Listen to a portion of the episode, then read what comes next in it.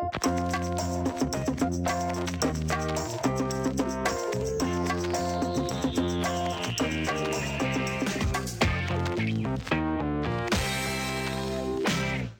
Vilken jävla måndag vi har framför oss och vilken vecka vi har framför oss eh, här eh, i, eh, i Stockholm och om man håller på Gnaget och om man håller på Djurgården. Det är ju derby i slutet på, på veckan. Det blir mycket häftig internationell fotboll också. Eh, Champions League-kval och Europa League-kval och sen så rullar det ju en del nationella ligor på som, som bara igår Serie A var helt underbart. Eh, och Eurotalk idag tror jag kan bli, har alla förutsättningar att bli ett underbart program med en eh, panel av yppersta klass med Christian Borell, Kevin Bader, Leonard Jägerskiöld Nilsson.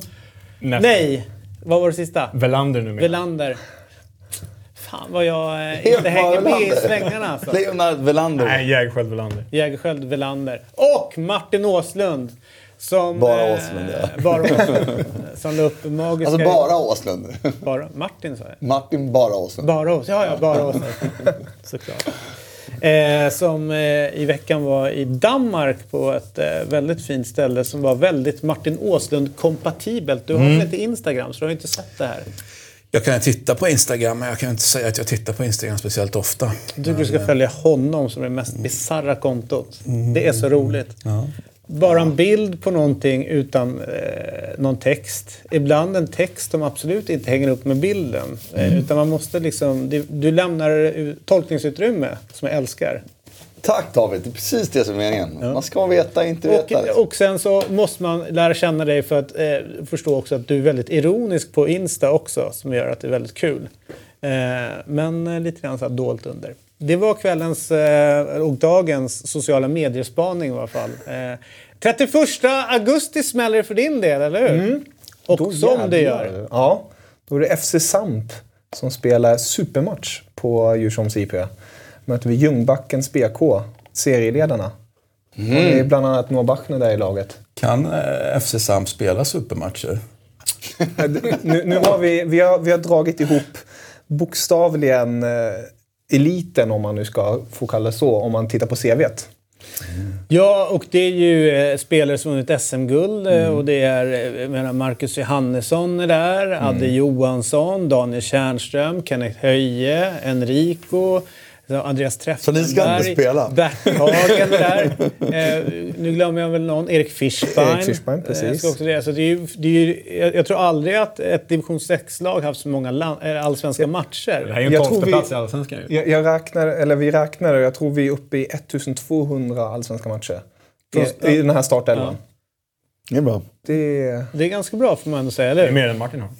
Ja, jag tror att det är mer än de flesta. Egentligen borde man kolla upp de all, allsvenska ja, lagen nu. Om det är så att FC Samp mönstrar ett lag med fler allsvenska matcher mm. än något allsvenskt lag nu. Det vore ganska häftigt. Oh, ja. alltså, det gör de ju helt säkert.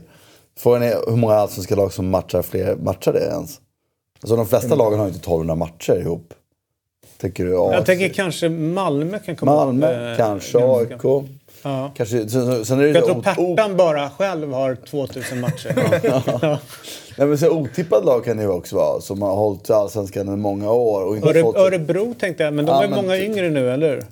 Ja, men... ja, jo det har de ju. Eh, jag tänkte på HE, för många av dem har varit utomlands också. Ja. Men Granen borde egentligen ha väldigt många, så som han ser ut kroppsligt och sådana saker. Men, eh, eh, men precis, Landgren var ute och snurra och Granen har varit ute länge. Farnerud har varit ute. Leder ni serien? Nej, det vi, handlar om att överleva. Precis, vi håller oss i mitten just nu. Jaha, så det var en match för att överleva? Nej, det är lite mer att vi, vi tänkte göra något kul helt enkelt. Ah, Såhär, okay, okay. Sista sommarhelgen, bjuda på något riktigt härligt. En happening som man brukar säga. Som eh, Precis. ni ute i förorten och i de finare områdena kan, kan uppskatta. på söndag eller? Samtidigt som derbyt? Aj då! Nej, lördag. lördag. Det tänkte lördag. lördag. lördag. Det. Det tänkte vi inte på. Nej. Nej, så det blir spännande. Gillar du idén eller? På en sån grej? Eller är du lite för, eh, för svår? För, ja, jag var på väg att säga lite för fin för det, men svår låter bra. Ja. Jag kan tänka mig att vara lite för svår för det. Ja. Mm, vad härligt. Eh, en som eh, eh har njutit av, du säger, gör en happening sista helgen under mm. sommaren. En som har maxat ut den här sommaren är ju Wesley Snyder. Eh, vi ska kolla på hur det kan se ut. Är det på riktigt? När man maxar en sommar så kan resultatet bli så här. Kolla den... Eh, eh, oj, sätter man sig ner till rätta. Det är ju mäktigt ändå att han, har, att han tillåter sig själv att bara släppa ut. Alltså vet, inga, no boundaries. Men precis som Martin sa här och frågade, jag, jag trodde ju inte på det här när jag såg det i, igår på, på Twitter. Så jag googlade ju Wesley Snyder tattoos. För att ni ser. Och eh, jämförde med riktiga spelarbilder. Och det, det är de tatueringarna. Det är han. Det är någon som har varit så jävla skicklig i sin imitering. Så. Nej, men vadå, alltså, den smala lilla killen. Alltså, fattar ni vilken jävla skillnad det är för som människa att gå upp sådär mycket? Än vad det är för någon som jag, eller någon som är större liksom, grov. Alltså, det är mycket lättare. Det är ju sjukligt ju. Men känns det inte lite holländskt också? Jag, menar, jag, jag såg någon bild på van der Vaart nyligen nu när han är i Danmark och hänger runt. Han har också lagt på sig. Ja, jag såg- alltså, lite av de här holländska, fina, snidiga. Och Bergkamp har ju magen nu också, han är äldre. Men De har ju kvar det här de- gamla arvet från eh, kung Leopold, tror han hette, en gång i tiden under imperialismen. Som gillade att lägga ut och käka gott och dricka och sådana saker. Så det kanske Det liksom där- hänger... Nu drar, drar holländare och belgare över en och samma. Ja, förlåt. Alltså den där, det, var fan en sjuk, annat. en sjuk utveckling.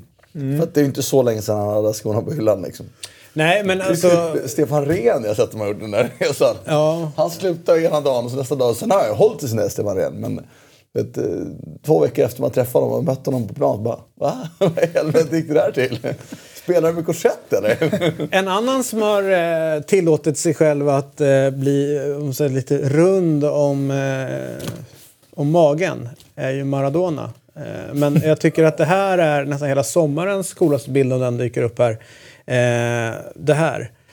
Det är ju det är så mycket bra i den här bilden. Dels är det ju, får ju Leonard som är expert i ämnet recensera tröjan, men jag måste säga att det är en av världens vackraste tröjor. Men den är ju så klassisk. De håller sig till det klassiska bocka-utsnittet. Det är superfint. Eller hur? Ja. Och, eh, och sen så är det ju eh, min då eh, kung genom tiderna, liksom Maradona med den, Den enda kungen ja, den cigarren. Och sen så är det ju, är inte De Rossis övergång från Roma till eh, Boca Juniors kanske den häftigaste och vackraste i, i, i fotbollens historia, skulle jag säga. Det är ju den bästa nedvarvningen om man kan kalla det Ja. Alltså, Han hade ju kunnat välja pengar i Förenade Arabemiraten eller USA eller Kina. Han, Exakt. Han, Jag är mer för överraskad att inte fler har det där i sig. Exakt. Tänk, Det- tänk om Zlatan hade traskat till dit och blivit kung i Boca. Nej, det är La, ju- På La Bombonera. Då hade man ju... Alltså jag tycker Zlatans flytt på ett sätt också, han vill ha det goda livet och Mm. han kommer in på ett sätt i Hollywood och LA på ett sätt som kanske lockar. Det kan jag förstå.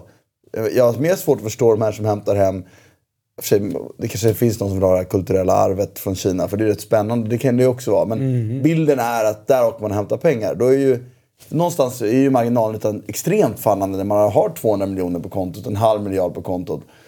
Alltså det är ju trots allt, du har säkerställt din, du har säkerställt dina, dina barns. Du kommer från en miljö där du fortfarande inte kan leva det livet. Med, med, det gör du liksom en civil karriär. Då har du omgett dig med vänner som har kommit till den nivån också. När man är fotbollsspelare är fortfarande kvar dina barn. Alltså, du, vet, du kommer ändå vilja leva som en vanlig människa. De flesta vill göra det. Men det- Då Det är tycker så jag att det här jag tänker, är konstigt eh, Leonard- fler. Förlåt. Buenos Aires. Alltså, tänk att bo där och lira sin fotboll. Och, och liksom, det är det som är ju- så här tilltalande med den här övergången. För, för, som du säger, Kina kan ju vara ett äventyr och det kan ju Los Angeles också vara och, en, och Iniesta i Japan. Men det här andas ju så mycket fotbollskultur. Ja, ja. Det, det, det här är ju 12-åriga Daniele De Rossi som, som genomför en flytt i vuxen ålder. Han har drömt om att spela på Bombonera och så får han göra det. Det är ju det, är det som är så kittlande med den här övergången. Puma, sen alltid samma skosponsor som Ja, alltid. tycker också ja. det är mäktigt. Och sen- typsnitt på text Ja, på texten. allt, allt så bra. Och den här källan han har valt eh, att, att sätta sig med den här kryckan som sticker upp här på sidan. Det är ju... olycksbådande. Eller hur? Det ser nästan ut som en stuga. Ja, men är det inte så att han sitter uppe med, med strumporna väldigt högt uppdragna? Stödstrumpor. Ja, ja, det, här är, ja, det är en av de starkaste bilderna på länge, Christian. Nej, jag håller med.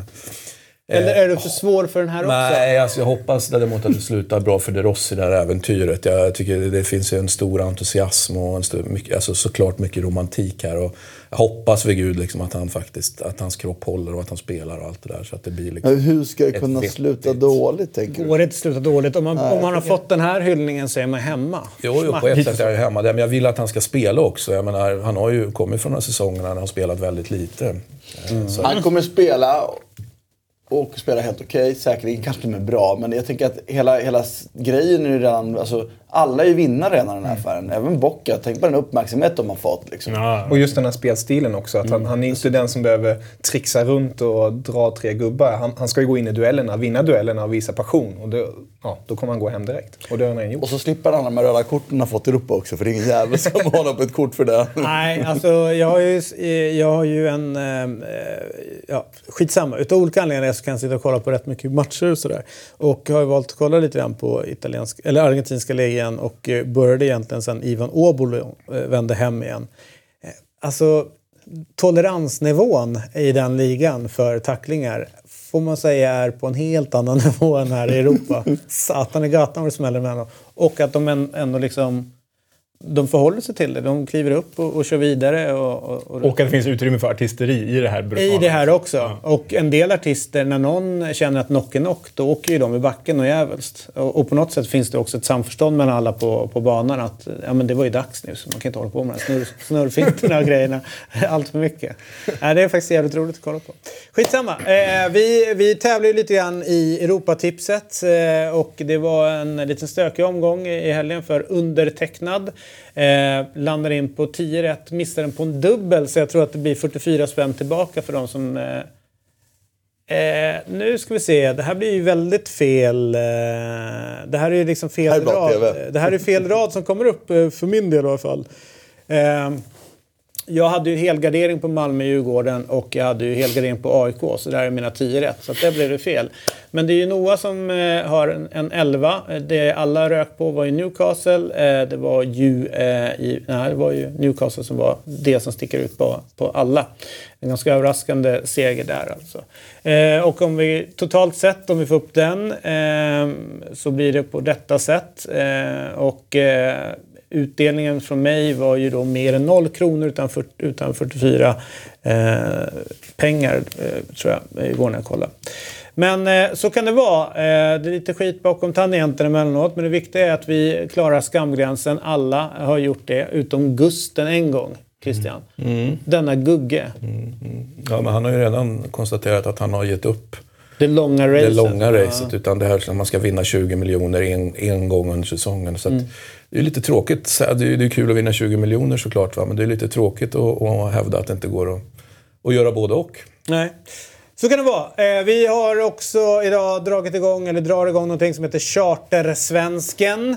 Eh, det innebär att eh, det finns en svensk som får ett kontrakt i utlandet och sen blir lite bortglömd. Eh, vi tror att han är på chartersemester, en lång sådan. Men i själva verket så är han ute och tjänar pengar in på sitt bankkonto genom eh, hårt jobb och mycket svett och skit under naglarna. Men det vet vi inte om. Eh, och, eh, Eller så behöver vi påminda om det. exakt, och det får vara alltså spelare back in the days och det får spelare eh, fram tills typ nu då som eh, spelar sin eh, fotboll. Och idag är det en målvakt och Martin och jag är egentligen ett lag. Eh, men idag blev det snabba ryck. Och du och Noah är ju ett lag också så det blev snabba ryck. Så, men det är lag eh, Borrell, also known as lag Soffan. Och sen så eh, lag, eh, jag vet inte, för vinnarna eller vad du nu vill kalla oss för. Eh, så är det jag och, och Martin. Och Fåtöljerna. eh, ödmjuk och snäll som jag är så låter jag ju då eh, dig vinna. Och jag vill då att ni nominerar era eh, spelare sen på Eh, under, under vår liksom, post i de sociala medierna. Och eh, då kan du eh, vinna en tröja med trycket utav den här spelaren. Det låter bekant. Ja. Så att nu kör vi! Första paret ut kommer där. Och ser vad spännande det är när Magnus Kihlstedt ställs mot Rami Shaban. Eh, och eh, då är det ju återigen, återigen så är det lite fel därför att eh, vi ska byta plats på varandra. Det är alltså Rami Shaban är det du som har eh, och jag och eh, eh, Martin som har Magnus Kihlstedt. Eh, du kan ju börja med Rami Shaban. Ja, Rami Shaban, en otroligt sympatisk person till att börja med. Och eh, vi, någonstans borde vi prata mer om att han faktiskt pallar den där nivån. Fast vi kanske inte pratar så mycket om att han pallar nivån eftersom han åkte på den här eh, skadan då som någonstans. Det hade varit kul att se vad som hade hänt om utifall att. Jättefin keeper. Mm. Det är roligt att vi tar eh, målvakter från nästan samma tidsera eh, när de var igång. Rami, eh, galen karriär, hamnade i Arsenal, sen kom alla skador och så, men fick ju spela och, och gjorde det bra. Eh, jag eh, och Martin landar i eh, Magnus Kihlstedt, kom fram i Oddevold 1996 och gör liksom en monstersäsong där. Det enda året de är uppe och vänder. Ja, och gör egentligen han som eh, ja, visar hur bra han är. Lilleström ser det, plockar honom, gör en, har en fin karriär Lilleström, byter till Brann. Problemet är att varje gång han är precis på, liksom, ja, nu ska han gå in och peta Ravelli som nummer ett i landslaget. Bam, då, då åker han på en skada. Men sen jobbar han sig tillbaka hela tiden. Eh, från Brann byter han till FCK eh, och, och gör, gör det bra där tills en axelskada sätter stopp för det. Eh, och, eh, och sen läggs karriären ner. Men 12 A-landskamper. Eh, sitter på, eh, som reservmålvakt i EM 20, 20, 2000 och även VM då 2002 har haft en jättefin karriär. Men när man pratar bra målvakter, svenska målvakter, så är det sällan man, någon lyfter upp Magnus Kihlstedt trots att han hade en sån pass fin, eh, fin karriär. Så att Och Magnus egentligen Kihlstedt- bättre än Rami Shaban, får vi säga. Ja, alltså jättebra. Och alla jag pratat med, Magnus, eh, Marcus Jannesson som har spelat med honom sa att svinbra jävla målvakt. Alltså vet, hade, hade allt. Men då skadorna. Just nu är han Pride Banker på, är det SEB? Han är Helsingborgs avdelningen. Mm. Så, vet, så han har gjort en civil karriär som är Imponerande också. Född 72, eh, så eh, de är jämngamla de där två också. Ja, härligt! Magnus Kihlstedt hade med du glömt bort. Sån jävla hård charterresa var han på. Och han var typ från Götene, det är helt otroligt. Ja. Det är ganska nära då, eller? Typ. Typ. det är någonstans där i väst. Ja, det där var, eh, det var hardcore. Fick du på en sån jävla näsbränna här. På Fast det där med Shaban är också ett fint namn, det får jag ge dem. Det var ett bra Ja, alternativ. ja, det är klart det är fint namn. Men ingen, alla känner ju till Rami. Men ingen pratar om Rami. Jo, Det är därför vi gör det nu. han har ju suttit i det här programmet varje flera vecka. gånger. Jo, det kanske han har. Ja, ja, ja eh, vad, eh, vad härligt. Jag, jag känner ju, i förra veckan så var det ju helt, det var ju kaos här i, i studion. Det var fullständigt. Eh, jag kuppade ju in eh, Spanien direkt efter introt. Det har ju liksom aldrig hänt tidigare. Oj. Historiskt alltså. Ja, så håll i er nu. Vad händer nu? Vi tar oss till Italien.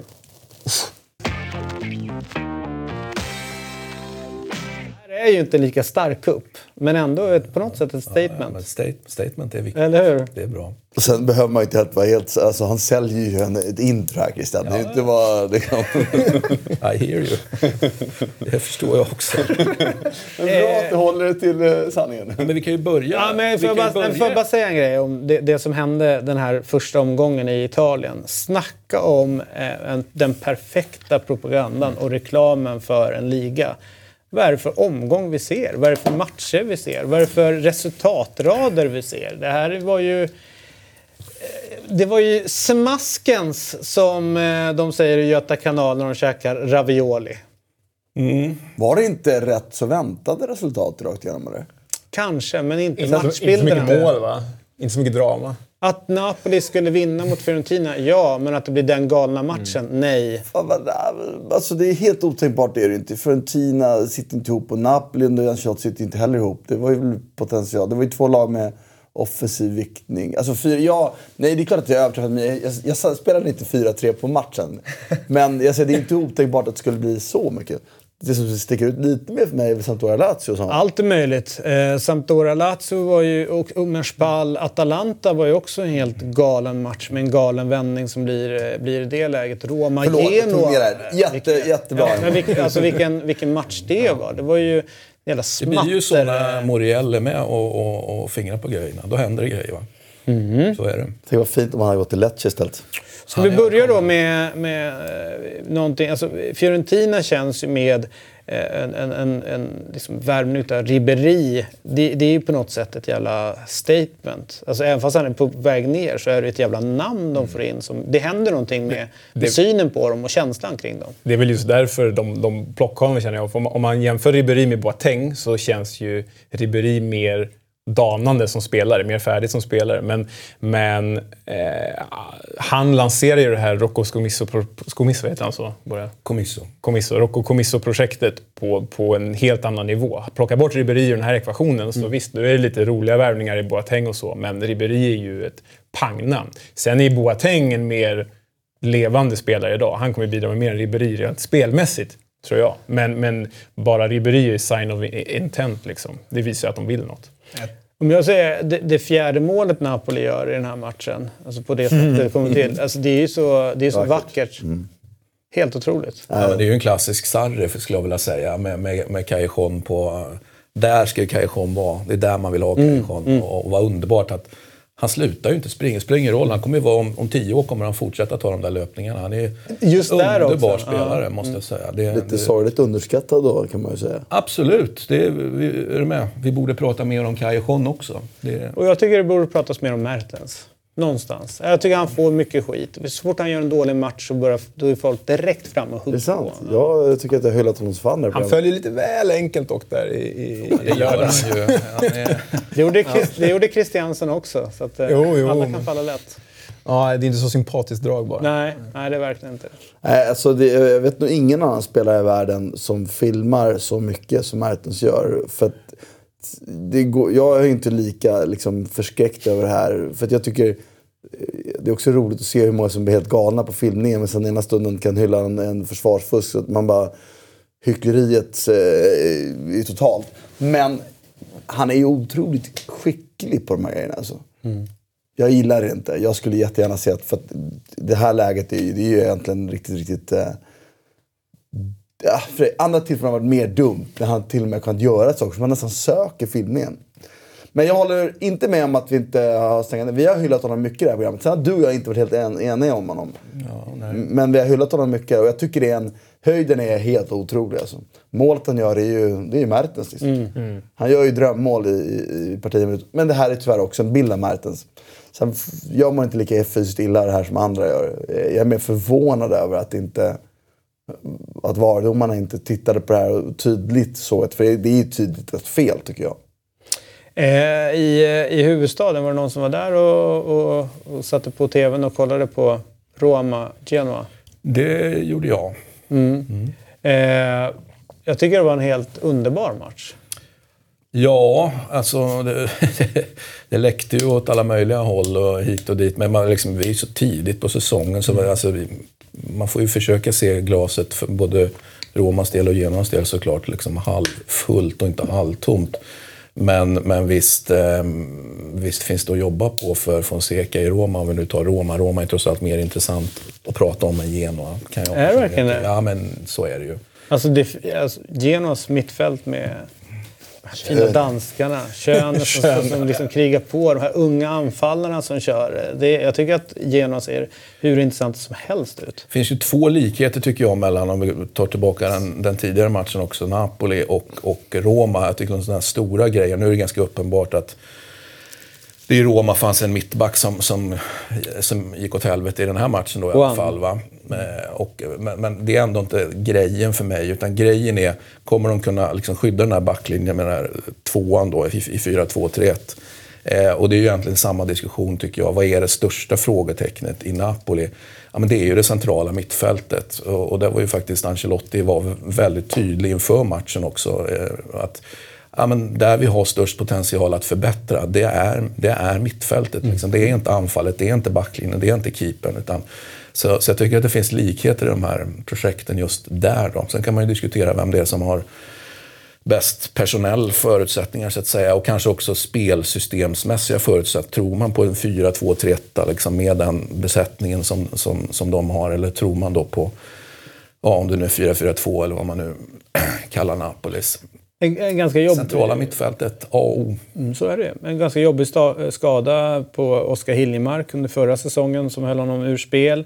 Andreazzoli, ny tränare in, har ju köpt in spelare på, och det är väldigt fullt på det här mittfältet. Och nu pratas det om eventuellt Bordeaux, då, att de sitter och förhandlar. Skulle det vara en, en bra klubb för eh, Eh, Oskar?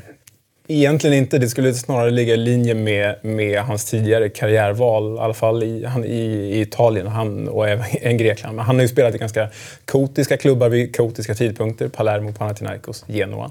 Bordeaux har ju potential och är ju historiskt sett en väldigt stor, fin fransk fotbollsinstitution. Fina tröjor. Fina tröjor. Fin, fin, fin stad, Frankrikes bästa, överlägset Ja, alltså. Men, men eh, det... Nu sa jag visst, visst bara utav slentrian här, men eh, du får stå för dig. Jag, Nej, jag det- har, det- eh, det- har några andra på lut där. Ja, men det, det, det är otroligt bra. Rekommenderas väldigt varmt. All right. Men, men eh, Bordeaux just nu, rent sportsligt, är helt vilseledda. De, de byter tränare och spelfilosofier eh, på, på eh, liksom en femöring. Nu är det ju den gamla goda, i, som vi känner väl från Italien, det är Paolo Sosa som är tränare, som hade en helt fruktansvärd vår i Bordeaux. Han vann bara två, två på tolv matcher tror jag. Och har, eh, nu vann de ju i helgen i och för sig, men det finns pengar i Bordeaux-projektet, men det styrs inte på, på rätt sätt för tillfället. Och Sosa är ju liksom en av de tränarna som förväntas lämna, få sparken först. Är det Paolo Sosa som en gång var i Juventus och sen i Borussia Dor- Dortmund? Yes. Och, och sen, Mm, Okej. Tränade Fiorentina. Ja. Ja. Okej, eh, eh, Och ville träna Roma framförallt. Stod och satt ju där och knackade på ska jag säga en både grej? det ena och det andra. Och, och, Ja, och han jag tydlig. gemensamt. Ni vill träna Roma, ja. Ja. Fast, fast Paolo Sosa, han... Ja, nu outar ju du i och för sig här och nu då, men Paolo Sosa i ett läge där man kanske inte riktigt ska säga att jag vill träna det här laget. Det, det brukar ju inte kollegialt anses vara speciellt snyggt. att Nej, jag fattar. Men det är inte hans, han verkar ju inte så socialt kompatibel alltid heller om man Nej. förstår rykten och Nej, jag fattar inte riktigt det. Och det har vi gemensamt han och jag också. Men, det avsnittet, vet de rykten om honom är, så är du mycket mer socialt ja, kompatibel. tackar, tackar, tackar. Du, jag bara säger Martin, jag tyckte väl att det var ganska mycket Di Francesco, Roma fortfarande. Ett lag som inte kunde knyta upp sig. Att de gör tre mål, att Genoa släpper in tre mål tycker inte jag är så konstigt ändå. Nej, det, det är ju mer så det ska vara. Roma borta, Roma är starka offensivt. Liksom. Roma har höjd. Genoa har väl också höjd förvisso, men inte samma höjd. Men, men jag, jag tycker att det, det gjorde mig lite liksom, ledsen för Romas skull att, att inte liksom kunna knyta ihop det där. Det, då, bara, då, då är det en match, försöka haft en försäsong, det har han tid på sig. Men fan, det är så gamla synder. Jag bara Men att hitta, om och hitta igen. rätt så i, i det där. Liksom, det var ju Veretout och Mm. alltså Diawara som inte startade då. Och så, och så fick vi Pellegrini och, och Cristante. Men alltså jag, jag, har, jag får ingen bra känsla när jag ser Pellegrini och Cristante. Och, och, och framförallt inte Cristante. Det är, det liksom, han övertygar inte Vad mig. vad märkligt. För jag satt och tänkte igår att... Att han det var jättebra. Nej, inte, nej, absolut inte Men jättebra. jag gillar honom också. Eh, jag, jag kände så här lite grann att hmm, äntligen har hittat Stråtman-ersättaren. Alltså den som kan vara den som eh, spelar ganska enkelt, har den fysiska närvaron. Jag tycker att han är ganska bra på att läsa spelet. Han tar sig in i box när det är läge för det. Jag tycker han gör en Tung helt... eh, ja, Jag jag tycker han gör en bra match. Hur som så, så känns det som att de, tycker jag inte, de har i alla fall, det sitter ju inte än då, det kanske inte ska sitta än, men jag tycker det, det känns oroväckande de ihop. Men man får ju ha tålamod med Roma också. Man får komma ihåg att det här är ju ett, ett, eh, projekt som startas om nu. Alltså, eh, sport, alltså vad heter han? Monchi? Monchi. Mon, Monchi är borta och nya, ny sportchef och ny typ av spelare kommer in. Ny tränare. Alltså, Fonseca kommer ju behöva tid på sig. Det tror jag också, men jag tror ändå... Eh, Men det är ändå som jag- oroväckande att, att liksom, jag håller med om det. Det är ändå oroväckande, tycker du inte det? Att, att så här, tre mål på hemmaplan i en premiär. Jo, absolut. Det är klart oroväckande med Roma-glasögonen på. Men om man, om man vrider på det lite positivt på, med Genoa-glasögon så eh, väldigt roligt att man kunde skönja Andreas Solis eh, Han är en bra tränare. Empoli-fragment i det här Genoa, speciellt offensivt. Eh, och med, med den anfallsduon, Pinamonti och Kwame, så är det... Nej, jag tycker det är- Monti var också en rolig överraskning. Det är också en spelare som man vet, slog igenom med dunderbrak. Ja, riktigt ja, men inte på den här nivån. Men liksom, det här kan vara grejen för honom. Ja, men dels det och sen så är det ju den speeden de har där uppe. Alltså, de, kan ju, de kommer bli sylvassa i omställningsspel. Alltså, de matcherna de är tillbakatryckta så är det liksom, då måste alla lag passa sig. Men sen är det apropå, jag pratar om Napolis fjärde mål. Genoas tredje mål är ju oerhört vackert. Alltså det, det inlägget och sen så liksom mot den ytan och så kommer... Alltså det är på något sätt så är det ett lag på borta så är det ett jävligt vackert bortamål om man säger så. Ja, verkligen. Eh, nej, det är hatten av för Får det. bara säga en sista gång med Romas mittfält. Jag håller ju med om att nu, alltså Diawara, det finns ju så många bra spelare. Det borde ju kunna bli bra. Men när jag tänker tillbaka Romas historia så har de haft bra mittfältare. Ganska många också tycker jag. Men någonting, de får inte ihop och de De har inte varit byter. lika på ett sätt. Ja, och sen så kanske...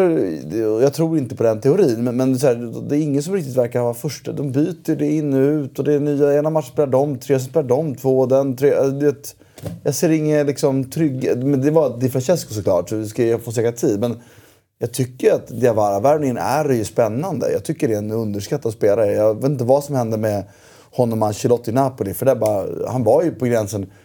Men med Sarri, jag vet att han satt i möte med Real Madrid. De ville ha honom. Eh, och, eh, när han gjorde det här första året som var riktigt bra med Sarri. År två inte lika bra, men hade bra konkurrens. Men någonting gick fel där. Är det han som har tappat utvecklingen? Jag tror inte det. Så det borde vara en spelare som kan lyfta Roma, men ja, det är oroväckande. Nej, men Jag tycker liksom det, det saknas ju ett ankare av de här. Jag tycker när jag tittar på de här fyra alla, då även Cristante som jag var lite eh, ljummen mot nyss. alltså, Brian så kan jag tycka att ja, men liksom, det, det är ju fyra bra fotbollsspelare. Va? Men, men vem, vem är liksom garanten på det mittfältet? För mig är det väldigt otydligt vem, vem det ska vara, så att säga. Det är, I den bästa av Roma-världar så är det ju Pellegrini eftersom han då har fått eh, stafettpinnen av, av, av Totti och, och De Rossi. Så det blir liksom det blir väldigt krångligt för ett nytt Roma att inte spela mycket Pellegrini, så är det ju bara. Eh, Så han kommer ju vara en av dem, eh, jag skulle säga att han kommer att matcha mest av de här fyra, det är vad jag tror. Fast det är väl kanske Klövert som är frågetecknet på mittfältet i stort. men Och då han blir det är ju... väl ett enda stort fråga. Alltså han, Ja, men, eh, jo, jo, men utan att gå in på... Ja, nu blir det lite strängt mot en 19-åring. Men eh, utan att gå in på hans, liksom, vad man tycker så, så blir det ju såklart en annan balans. Man skulle kunna få in en annan typ av spelare på mittfältet som skulle kunna ändra un- runt dynamiken ganska mycket. Nu hade han en ganska tung match. Men jag tänkte, du nämnde Monchi tidigare.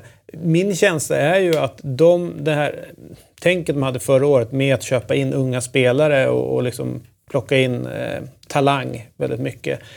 Så är det väl klart att några av dem kommer ju Roma att få stor användning för. Saniolo till exempel som spelar, han har ju såklart haft bättre matcher men Nej, det är ju en av de yngre spelarna som kan bli bärande för, för Roma under rätt många år. Så får Det finns ju oerhörd potential i den där truppen, i det manskapet verkligen.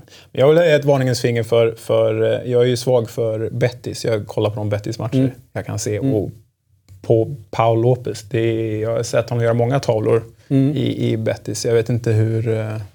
Vilken garanti han kommer vara jämfört med Olsen Nej, egentligen. och om Olsen fick väldigt mycket kritik förra året så känner jag efter den här matchen att eh, okej, ska alla vara helt nöjda nu att nu har de löst någon form av målvaktssituation? För det, Så vilken tur då att Mirante är där som andre keeper så är det. Som ju eh, var en garant när Olsen fuckade upp det förra Och säsongen. jag tycker inte han gjorde det. Eh, Men eh, om man tar Olsen-spåret då. Eh, tre målvakter totalt. Och en på plan igår och två på bänken. Olsen fortfarande finns kvar i truppen och i, i Roma. Början av året så var problemet att det inte fanns någon sportchef på plats och sköta för, eh, försäljningar och så. Sen går ju tiden. Vad, vad tror ni om hans... Eh, det, det handlar ju om eh, den här veckan nu tror jag. va? Ja. Ja, alltså franska medier rapporterade, vad är det, två veckor sedan nu, att han i princip var klar för Montpellier. Och eh, eh Montpelliers tränare eh, Michel de Zacharian satt ju på presskonferens inför var det premiärmatchen. Dagen, presskonferens före premiärmatchen sa han ju att Robin Olsen skulle presenteras.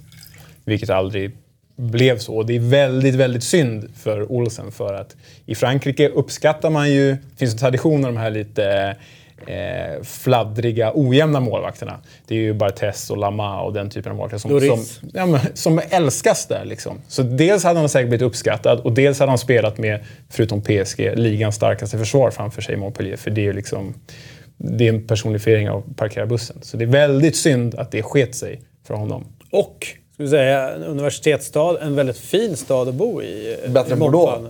Vad sa du? Bättre än Bordeaux. Jag hade valt Montpellier före Bordeaux. eh, Därför att det är närmare kusten ner mot... Eh, Och jag hade valt Deauville. Nej, jag vet inte. Nej, jag, jag hejar på Bordeaux, men Bordeaux är ju väldigt nära kusten. ja, fast det är ju det är svinkallt vatten. Det är ju Atlantkust Atlant. ju. Ja, Ja, Det är, en, det, är, det är en vacker kust istället. Jo, det är vackert men det, det blåser det blåser som helvete det, och, och, regn- och rassligt väder. Bra. Du vill ligga inne på den kusten. Jag tycker det är en otroligt bra ort att vara i. Det kan jag varmt rekommendera. Om man ska till en badort i, i Frankrike så... Jag säger då, skit i Atlantkusten, den heter Medelhavet. Men eh, det är många bra restauranger i Bordeaux, har jag hört. Ja, det, det stämmer. Eller? Om vi, ska, om vi ska passa på Bordeaux så finns det väldigt mycket gott att, att äta. Där- Gid, eh, gid Ah, ja, klass, klassificeringen är hög. Ja, ja, det, eh, precis. Ska, är det okej att vi går vidare med fotboll nu eller? Att det var du som tog upp det igen. All right. eh, Udinese eh, var jag lite tveksam till inför eh, och det hörde ju Christian med all önskvärd tydlig, tydlighet i, i, eh, i Talk Weekend. Weekend.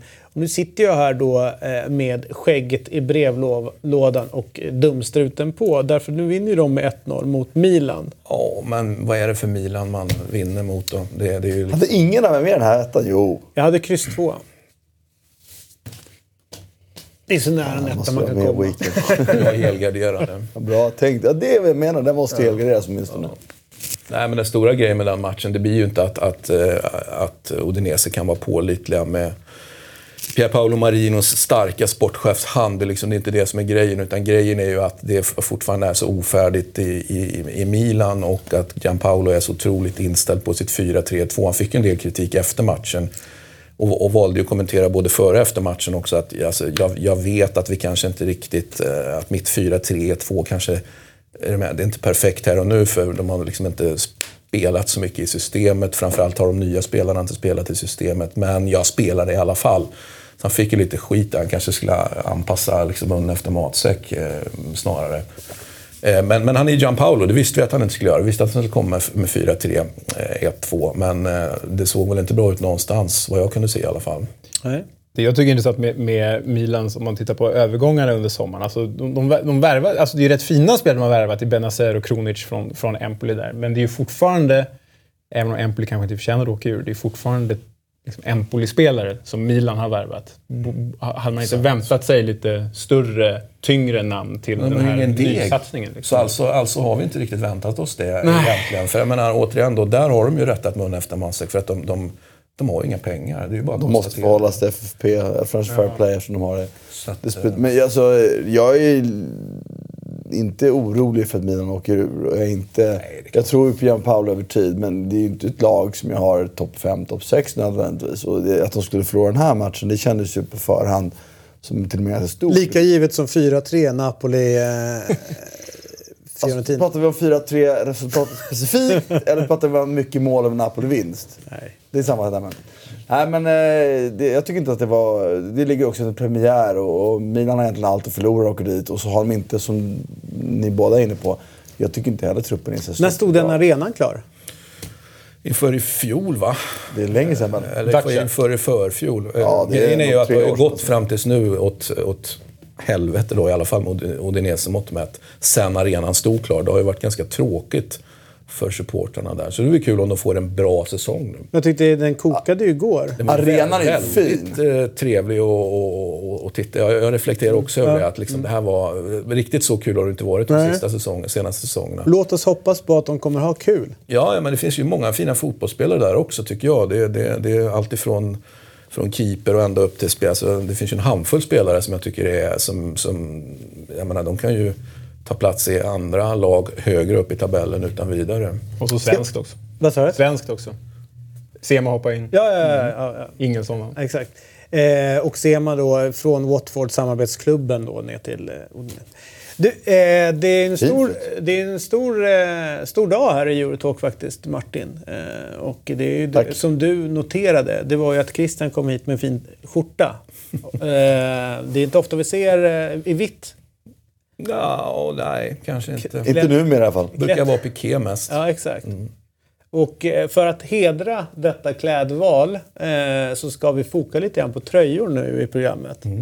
Och eh, i Italien, och detta är inte någon åsikt som kommer presenteras nu utan fakta.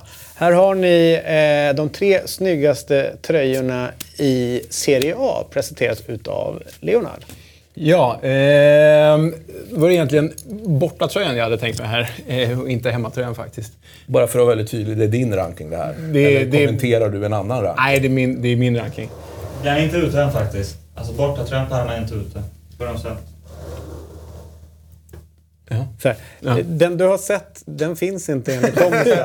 Men det, det är så vi har det här på jobbet. Fantasi. Eh, Det, De är, det jag tänkte prata om nu med, med är inte rent estetiskt utan det, det är att det, de klubbar börjat använda väldigt mycket, arbeta mycket med symbolik i sina fotbollströjor. Och det som är speciellt med den, den eh, Bortatröjan. bortatröjan som presenterades för ja, nu under sommaren. men inte finns. Men den kanske inte finns att köpa, men det, Nej, det är den som Ja. kommer användas. Det är att eh, eh, de har, det blir konstigt när man inte ser bilden, men de har en ganska så estetiskt läcker är den inte, men de har i någon svart, mot en svart bakgrund så har de lanserat en liksom regnbågsfärgad, konturerna av en regnbågsfärgad fenix bakom klubbmärket.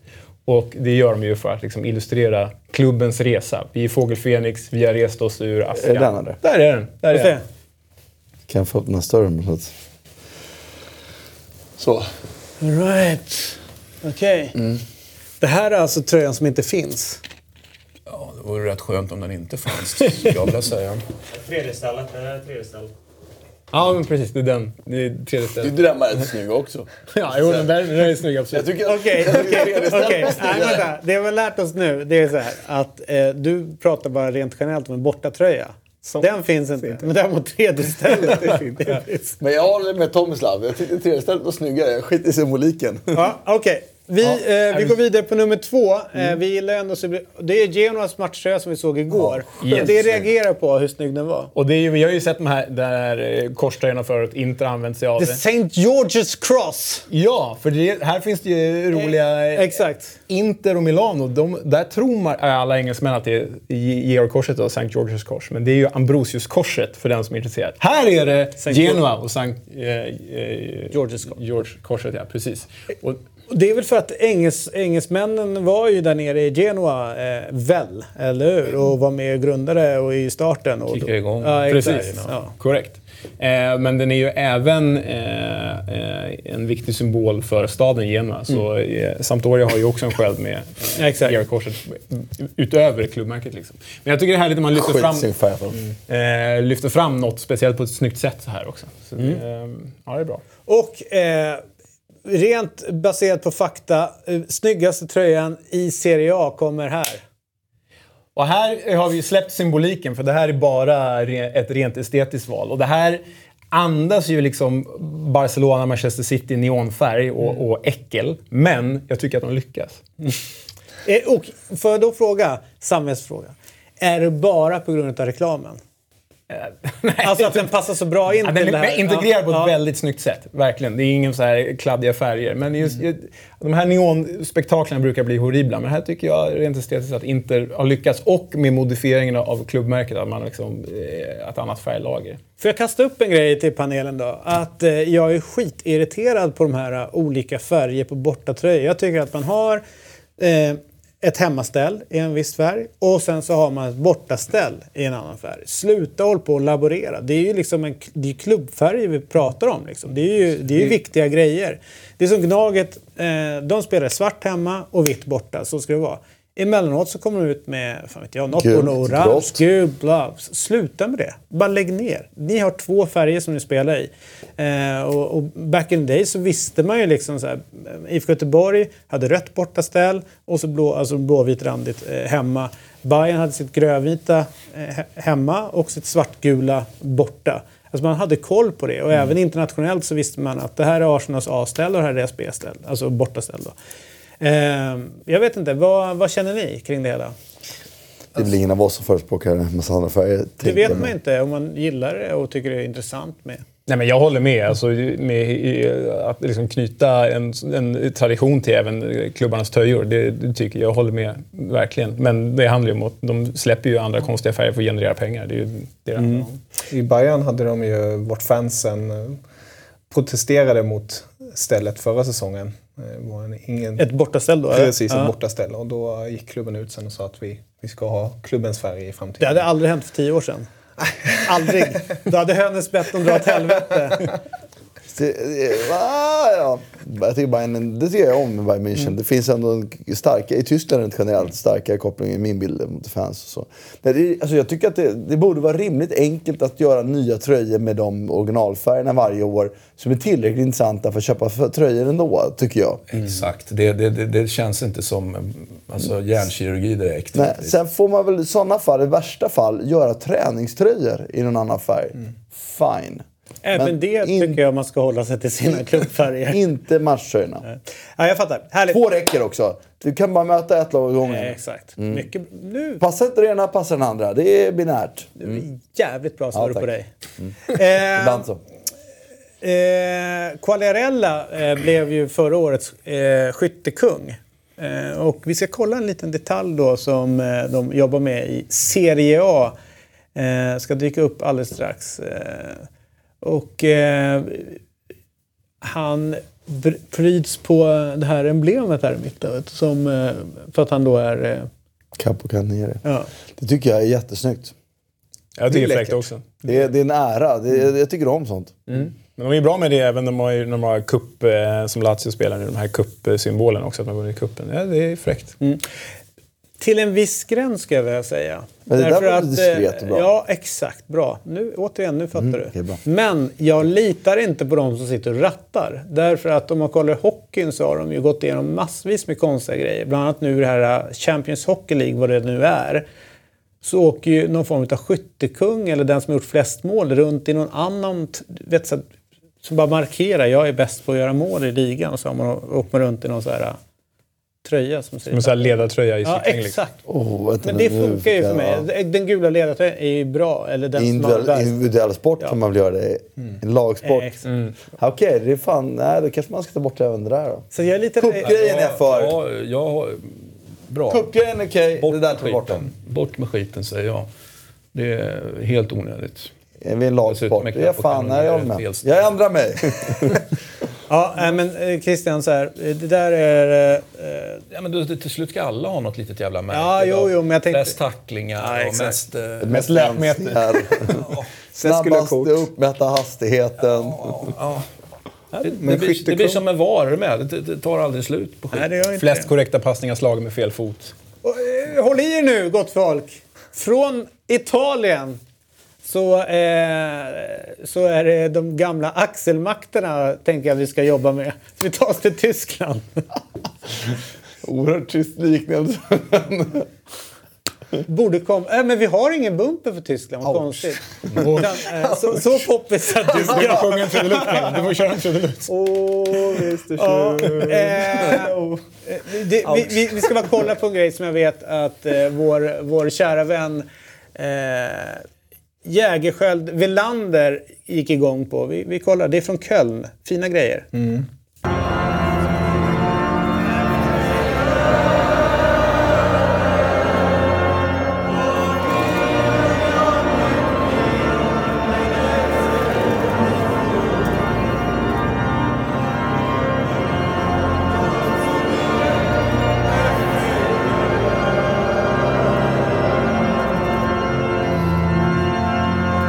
Jag, jag tror att ni fattar principen. Eh, De tyska fansen eh, de gittar ner till kyrkan, eh, domkyrkan, Domkyrkan. där kliver in och laddar upp inför säsongen. Eh, Och eh, jag vet att du gillar det här, men eh, Kevin, eh, du bist ein deutsche Ja. eh, eh, Menschen. Mädchen. Ja, är det så att ditt, ditt, ditt, ditt tyska blod blev eh, några grader varmare här och, du kände en nationell stolthet när, när de, Alltså, supportrarna kliver in i kyrkan?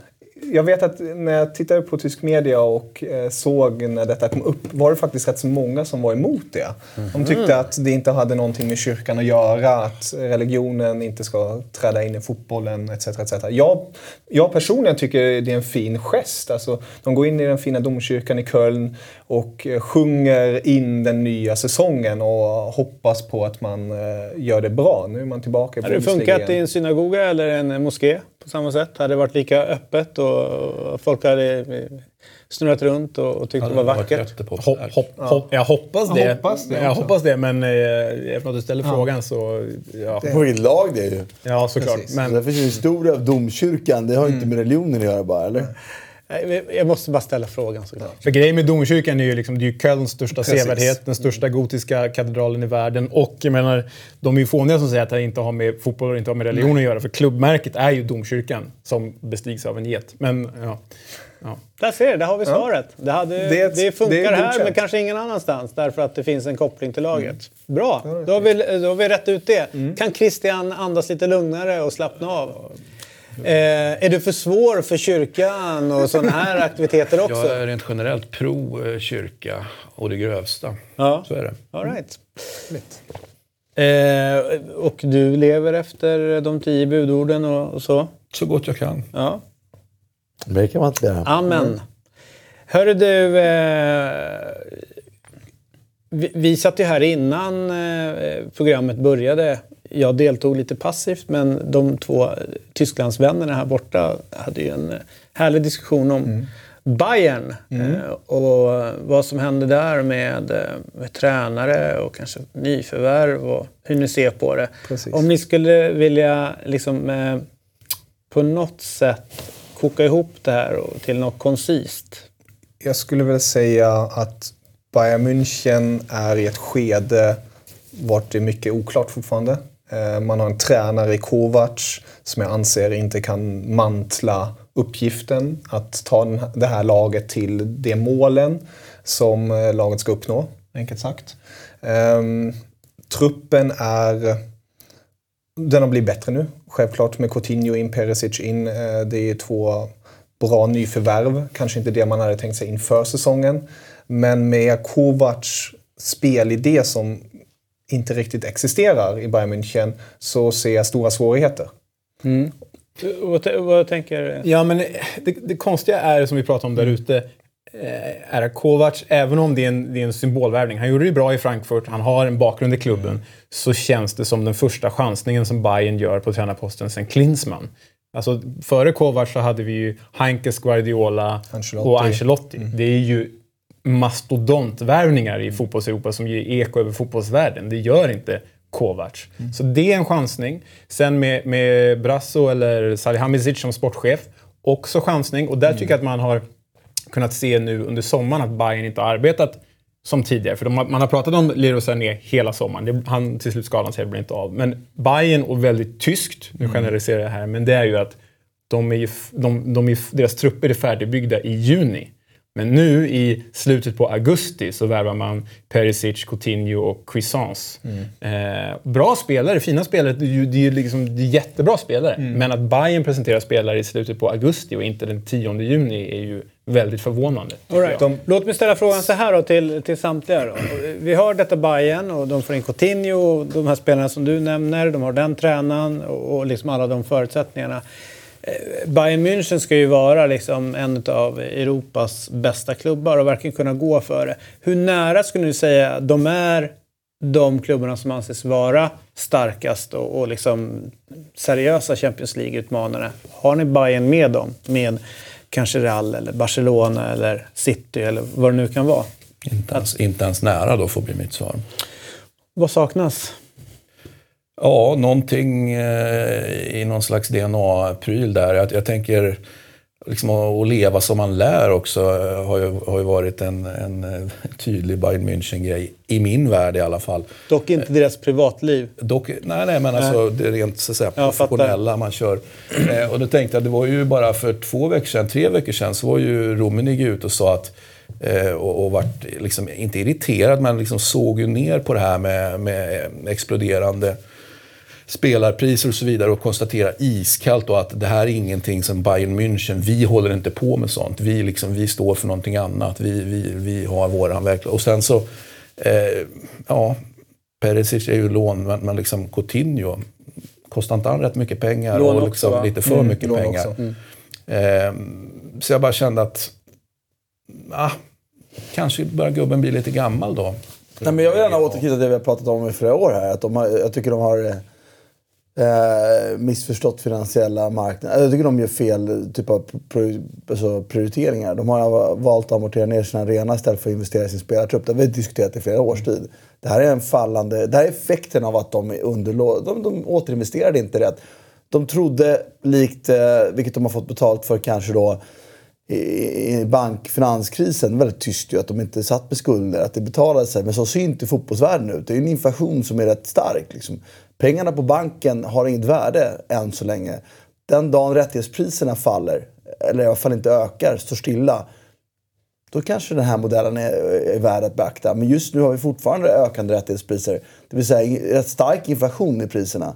Då är man ju idiot om man tror att man tjänar pengar på det här tycker jag. Och det har vi diskuterat. Och det, de, har, de har gått fel, en gammal ledning. De har gått fel, fel ett antal år.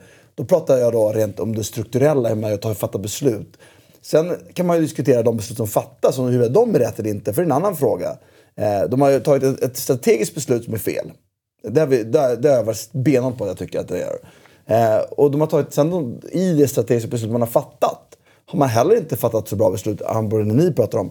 Med sportchef, som jag får en känsla av att det handlar om någon som är en sitting duck-känsla här. Det, det, två gubbar som ska styra fortfarande. Eller en äldre ledning som ska styra. Gubbar, det, det är en äldre ledning som ska styra. Ett äldre sätt att ska styra.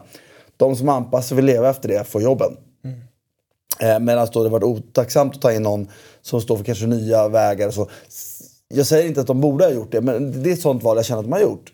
Eh, och att de inte värvar spelare och inte klarar med sin trupp i juli juni, juli. Det är en följd av att de inte vill investera.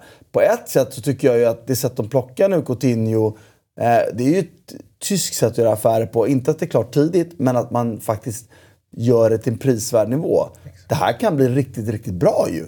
Det vill jag då säga. Tvärtom då. Coutinho är ju än så länge ett lån. Jag kan inte köpa optionspriset på den. 120 eh, miljoner på köpoption. Mm. Efter ett år. Jag har, inte, jag har inte detaljkollat eh, affären, men att, är det en option så är det i alla fall en möjlighet mm. att inte göra affären.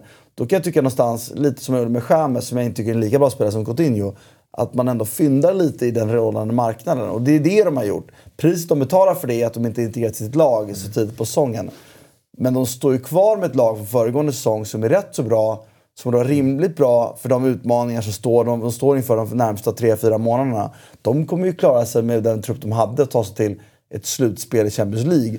De kommer klara att hålla jämna steg med, med Borussia Dortmund eller leda fram tills det börjar bli... Och då tycker jag att om man tid att integrera de här nya så är det behovet att bli klar i juni fanns inte riktigt där. De har på ett sätt gjort fynd i marknaden. För jag tror verkligen att Coutinho kan vara ett sånt. Mm. De behöver precis den, den här X-faktorspelaren Eh, Eh, de har haft två fallande med Ribéry och, och Robben som det är bit år för år. Det, det är svåra spelare att ersätta. Och jag tycker Nabri, eh, Coman, det är bra spelare men ingen av dem är på den nivån som Ribéry och eh, Robben var. Coutinho är potentiellt på den nivån. Coutinho har inte lyckats i Barcelona därför att han inte hade spelförståelse nog att, att vara bra på andra saker än att vara den ledande spelaren. Vilket han får vara här, tror jag. Så jag är lite spänd på det här. Theo Hernandez är väl ingen dålig värvning ändå. Lite dyr kan jag tycka. På det. Jag pratade om kontra, kontraproduktivt, men det jag pratade om tidigare. Men är det någonting jag kände efter förra gången så att de behövde förstärka var det försvarslinjen. Och där, där måste jag instämma fullständigt. Alltså jag, jag tror den största svagheten just nu i Bayern München är Kovacs om man tittar utifrån själva planen, vad som ska hända på fotbollsplanen. Eh, för att man har tagit in Hernandez, man har tagit in Pavad. Eh, Pavad, eh, rutinerad back i Bundesliga hade det lite tuffare med Stuttgart förra säsongen, men man vet vad han kan. Hernandez som du är inne på, även där en fransman som gör det riktigt bra. Man lite ut, dyr möjligtvis. Li, lite dyr, precis, men så som fotbollsmarknaden är. Man tar ut Rafinha, eh, som jag har länge tyckt inte ens platsar i Bayerns andra lag. Eh, Bernat sedan tidigare borta, så deras backlinje tycker jag är nästan stabilare. Självklart är det tungt tapp att man tappar Men, Hummels. Du, du håller Niklas Syle högt eller? Jag tycker att han är bra. Jag tycker han är underskattad. Han är självklart eh, som alla ser. Han, han, är kanske lite långsam i vändningarna, men han är, han är stark. Eh, han var ju bästa är... mittbacken av dem de hade förra året. Mm. Han är väl liksom en tysk Peter Hansson med allt det goda och det onda som kommer. Ja, liksom. jag tycker, lite. lite men jag Bara att han, fula mål också eller? men jag tycker att han, han, han gör det bra. Han gör det bra. Han kommer mer och mer in i det hela. Um, och där tycker jag man har fått en bättre backlinje som Martin är inne på. Problemet nu är eh, då mittfältet och framåt hur Kovacs vill ställa upp. Han är väldigt envis just nu att han vill ha en Thiago som en sexa. jag tror det funkar alldeles utmärkt i, ett, i, i Bundesliga när man möter sämre motstånd. Men när man går ut i Europa, då kan jag inte se Thiago sitta, sittande ensam där. För då kommer det massvis med ytor bredvid honom och ja, man har en Tolisso och Goretzka som är för offensiva. Det, nej, det är där svårigheten ligger, hur Kovac ska få ihop det hela. För truppmässigt tycker jag ändå det ser intressant ut. Ehm, och sen blir det mycket intressant att se nu hur Coutinho tas in här i det hela. Och vi Och jag ska, håller med om att och på det ni ställde frågan, när Christian svarar inte ens nära. Det är kanske lite väl hårt om man är nära toppen i Europa. Eh, Men, men jag håller med om att där, där är just Kovacs nu som är svaga. För de föll mot Liverpool i ett dubbelmöte där de... Jag tyckte att det- så, så långt borta var de inte spelmässigt. Utan det var, eh, Kloppe var en, eh, han en tydligare matchplan. Som jag tycker inte trupperna i sig skiljer. Den här truppen är bra nog. Klopp med den här truppen hade haft de här som en, eh, bra nog att kunna vinna Champions League. Utav oklara anledningar så har jag lyckats, lyckats ramla in på några försäsongsmatcher med Bayern och en som ser lite piggare ut än de senaste två åren är ju Thomas, Thomas Müller. Eh, som verkar liksom på något sätt försöka kräma ut någonting Jaha. utav vad som finns kvar utav, en, utav hans karriär. Är det rätt intryck? Är det samma surr nere i Bayern att han... Eh, Han, han är ju tyvärr den nu när Coutinho kommer in som förmodligen kommer få sitta bänk. tror du det? Eh, Det tror jag, tyvärr. Ehm, Jag gillar Thomas Müller och jag tycker att han är, han är en karaktär som stärker truppen. Men sedan i princip Pep Guardiola-tiden har han inte riktigt kommit in i det här heller. Han har också haft det tufft förra säsongen, likt Boateng och Hummels, de tyska landslagsspelarna. Men ehm, jag tycker likt dig, um, bra försäsong, pikt, men nu inledningsvis i säsongen har han inte varit så riktigt stark. Han, är lite, han försvinner lite lätt. Ehm, och med tanke på mittfältet man har, man har Thiago given när han är frisk. Man har en Tolisso som är som ett nyförvärv som är väldigt duktig och en Goretzka. Sedan har man nu fått in Coutinho. Och frågan är om eh, Kovac kommer spela på sitt eh, 4-3-3 och ha Thiago och Coutinho Tolisso som eh, lite framför Thiago då. Eller om han kommer spela ett 4-2-3-1 vart Coutinho kommer få sin 10-roll. Jag tror att han kommer få spela mycket till uppkant, tror du inte det? Jag tror han är bäst ut till vänster egentligen.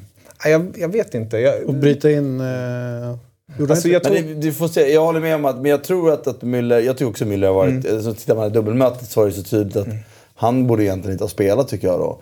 Men, men eh, jag tror tvärt emot, märkligt nog kanske, att han får ett lyft med en sån spelare som Coutinho. Mm.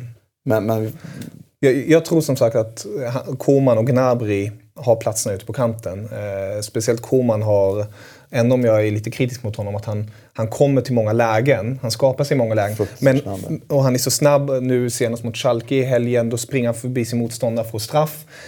Väldigt effektiv, men han gör inte så många mål. Det är det som är hans svaghet. Eh, däremot tror jag att han kommer spela där med en Coutinho bakom honom. kommer han ju leverera passningarna. Men då är man ju kvar i den här problematiken som vi har sagt att det är en problematik som kanske inte ens går att lösa. Det vill säga att eh, Ribéry och Robben var så jävla bra så att det är, är skitsvårt. Och, och, och då tycker jag det låter väldigt synd att inte spela Coutinho där. Så jag håller med Martin att han har ju ändå Alltså Koman och Gnabry, det har, den, det har jag redan gett upp. Den kommer aldrig bli lika bra som Ribéry och, och, och, och, eh, och Inte Robben. Däremot kan Coutinho jag tror kanske inte han blir det heller, men han har i alla fall, uppfattar jag det, som en otroligt mycket större chans än de andra två.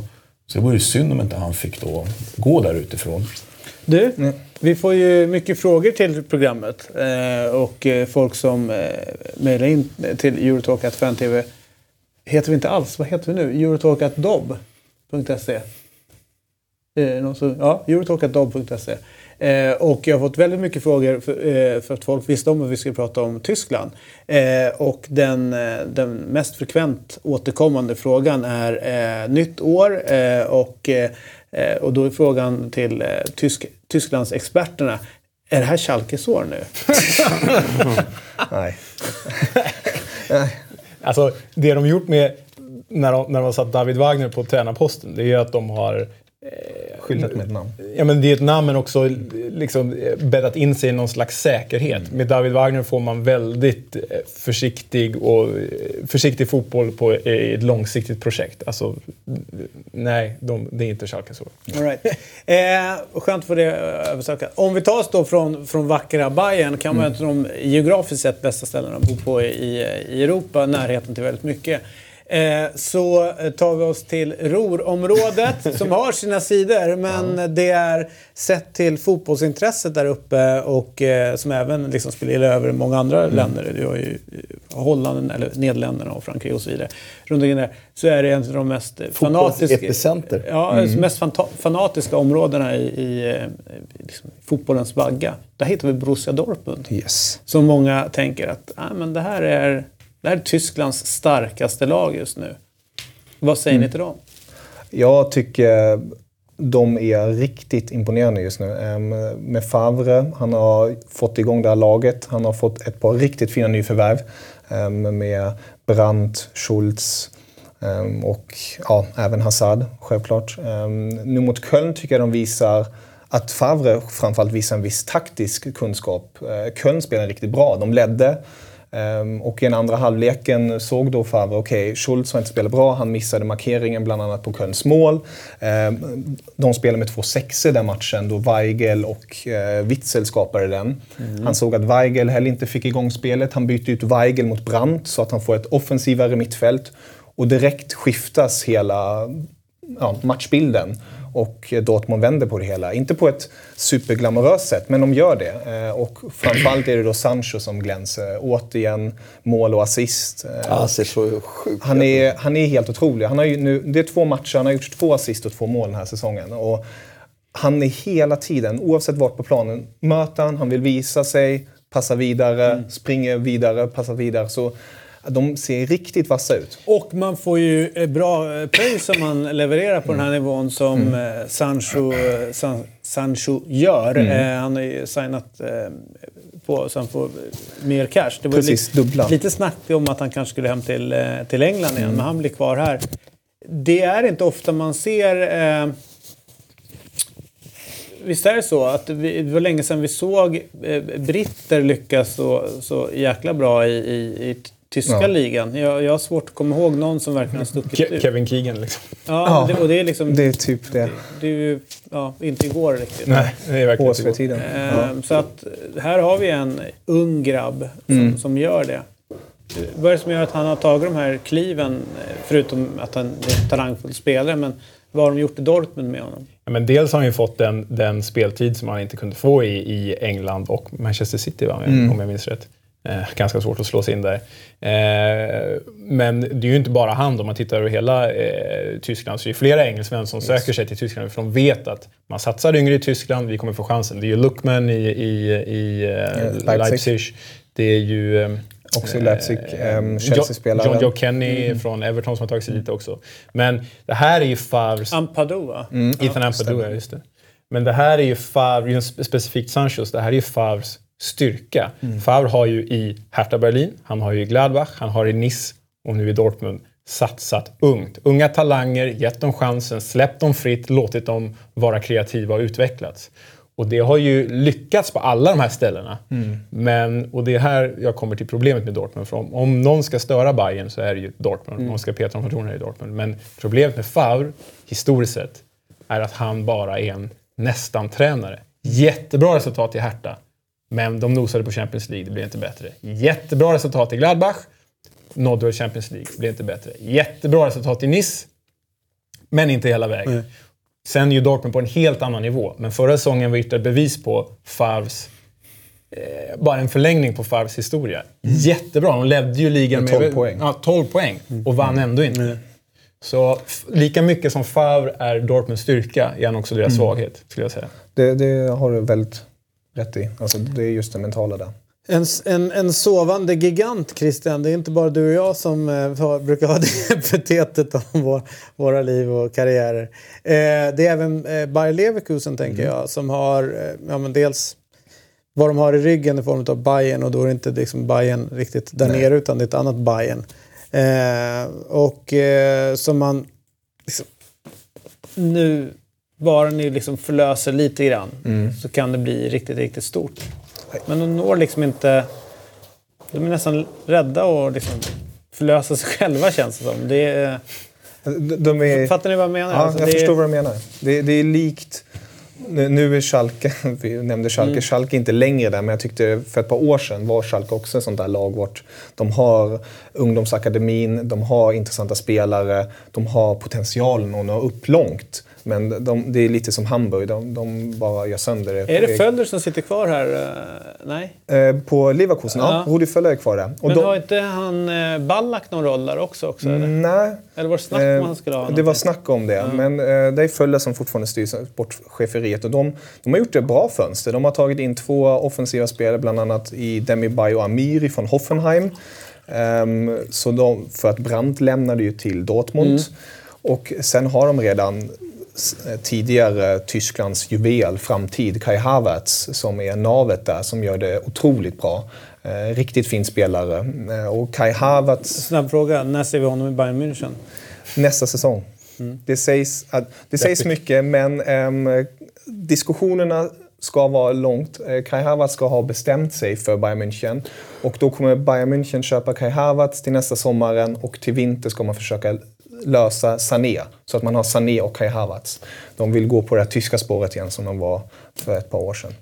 Ehm, det var lite eh, Sidospår. sidospår. Eh, men eh, Leverkusen, riktigt fint lag. Eh, Ja, liksom efter Dortmund och Bayern egentligen ledande i, i sin ungdomssatsning. För de, de hittar ju, dels har de ju en väldigt fin akademi och dels hittar de ju den här typen av spelare hos andra klubbar och släpper fram dem. Men också en klubb som är ju, alltså Leverkusen är ju typ en förort till Köln. De ska inte vara på den här nivån. Det är bara för att de har Bayer, Ja, ja, visst. bara för att de har Bayer i ryggen. Och sen är de ju också skadade av sin historia. Så visst, de kallas ju för verkself, alltså eh, vad säger man, företagselvan, Ja. eller fabrikselvan. Eh, men de kallas ju också för liksom, den eviga, eller Neverkusen kallas de för, för att de aldrig vinner. Vi har ju, vi har ju klassiska 2-2-2 i Liga Cup Champions League 2002. Precis. Och 98 eller 99 när Ballack gör självmål så att de, så att de eh, bränner ligatiteln. Är det 98?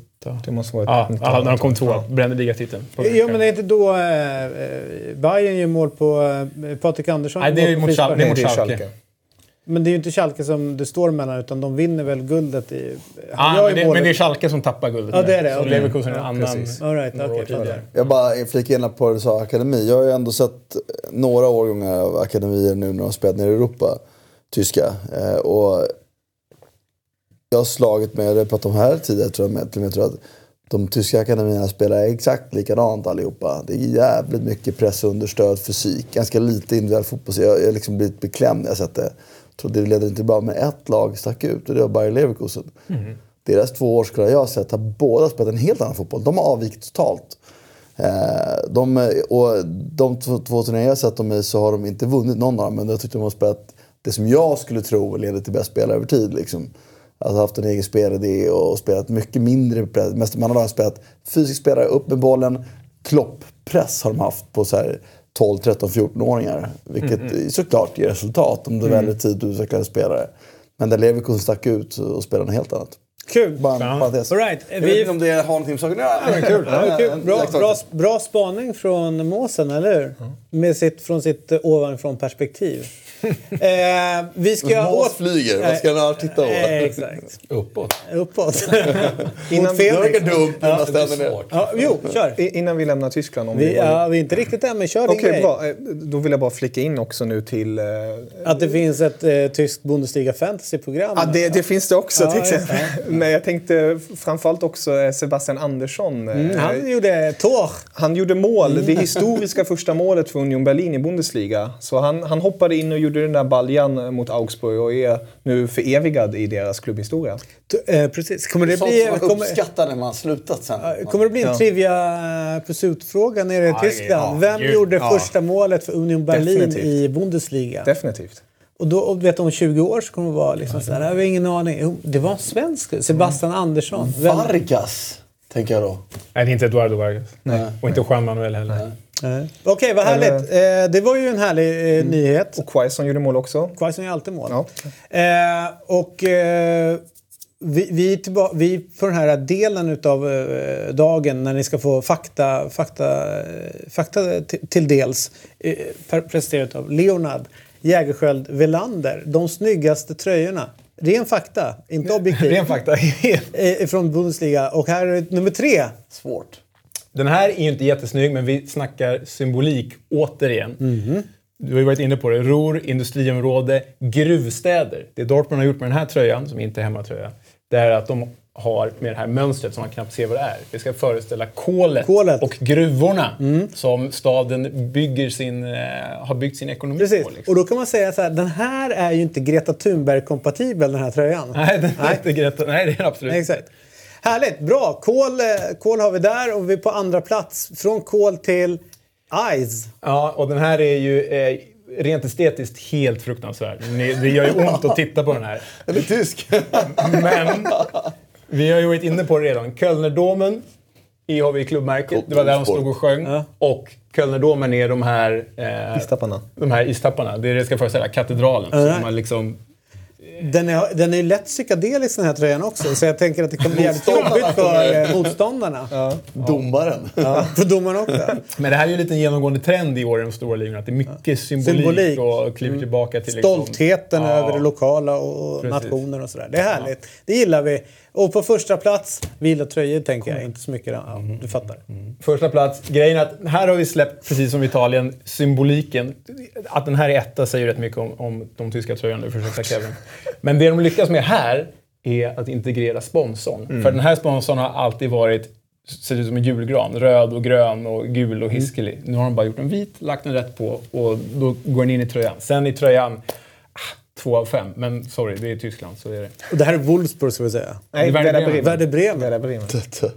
Ja. Nej, alltså, eh, jag gillar ju fakta eh, och vill inte bestrida fakta. Men det här får mig att fundera lite grann. Ja, det lite grann? Jag tycker, jag tycker Bayern Münchens tröja eh, med just sponsorn är väldigt läcker alltid. Att de får in T-Mobile på ett väldigt Ja, naturligt sätt. ja. Jämfört då till exempel med Manchester United när man står, står Chevrolet över det hela. Jag tycker det, nej, Ja, men det är viktigt. Jag är lite, jag är lite emot det.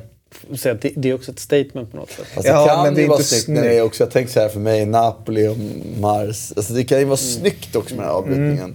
Ja, men det håller jag med Eller om. Apropå va? Napolis tröja i år med de här vita axelpartierna. Det, det ser verkligen inte bra ut. Vadå? Nej, herregud, så här, genomgående ett ganska dåligt inslag under, eh, under eh, ADL. Tröjorna har ju verkligen inte varit snygga. Det är ungefär lika snygga som hans klädstil. Jag säga. Ja, men det är inget fel på. Ja, men det, jag har sett honom i så andra sammanhang där... där när, Han är ju enormt både fotogenik och Ja, det är han bra attityd i, i, Ja, det har, han. appearance. Liksom. det har han absolut. Men ibland har han ju kört några cowboyboots och grejer. Man bara...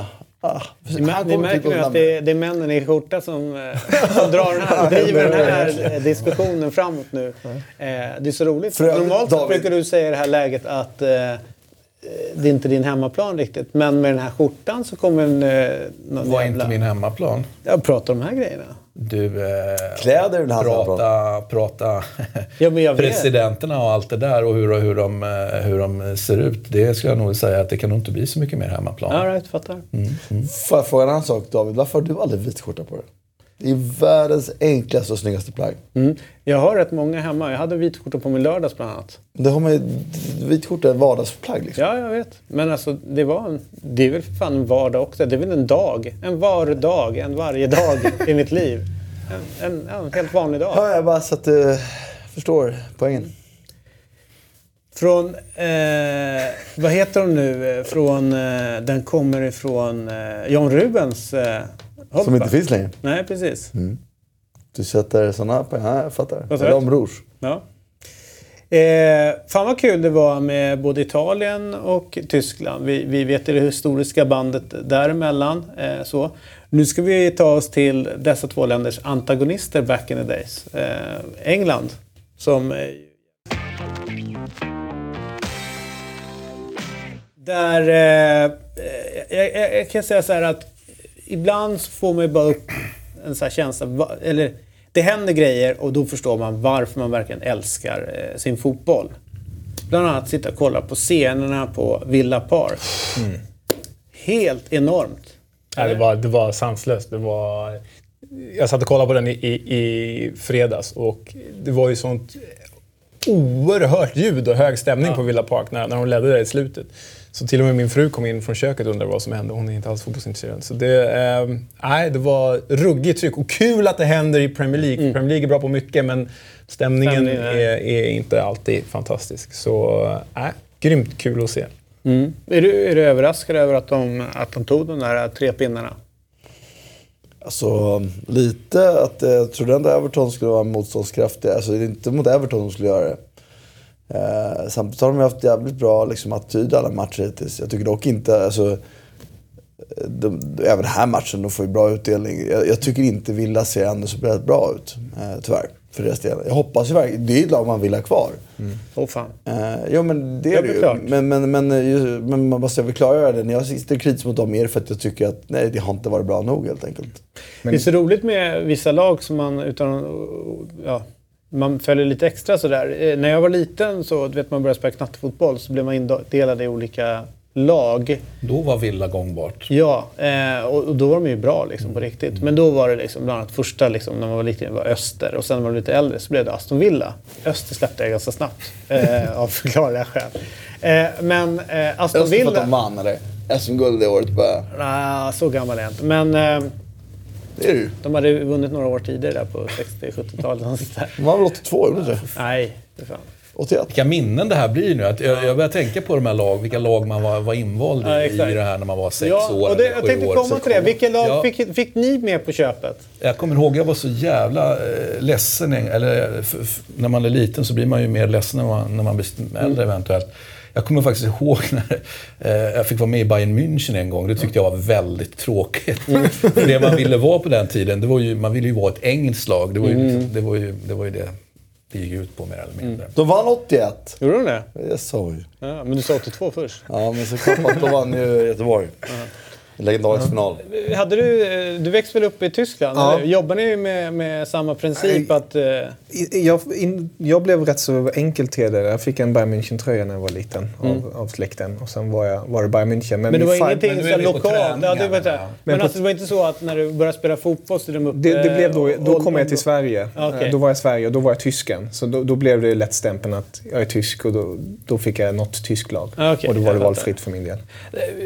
Nu, nu har jag lite dålig koll, men du, är det Helsingborgsområde du växte upp, eller? Nej, jag har bara miljarder skånska släktingar. Jag är uppväxt här utanför Stockholm. All right. Ehm, men men vi, min generation, vi var ju liksom alltid Manchester United, Liverpool eller de italienska jättarna. Så, ma- så ma- Som, som, alltså jag tänker som liksom den lokala föreningen delade upp och kallade det för. Eller hette ni då liksom så här Djursholm 1, 2, 3, 4? Ja, nej, vi, nej, just, nej, vi hette ju på riktigt, jag spelade i IFK Täby. Täby.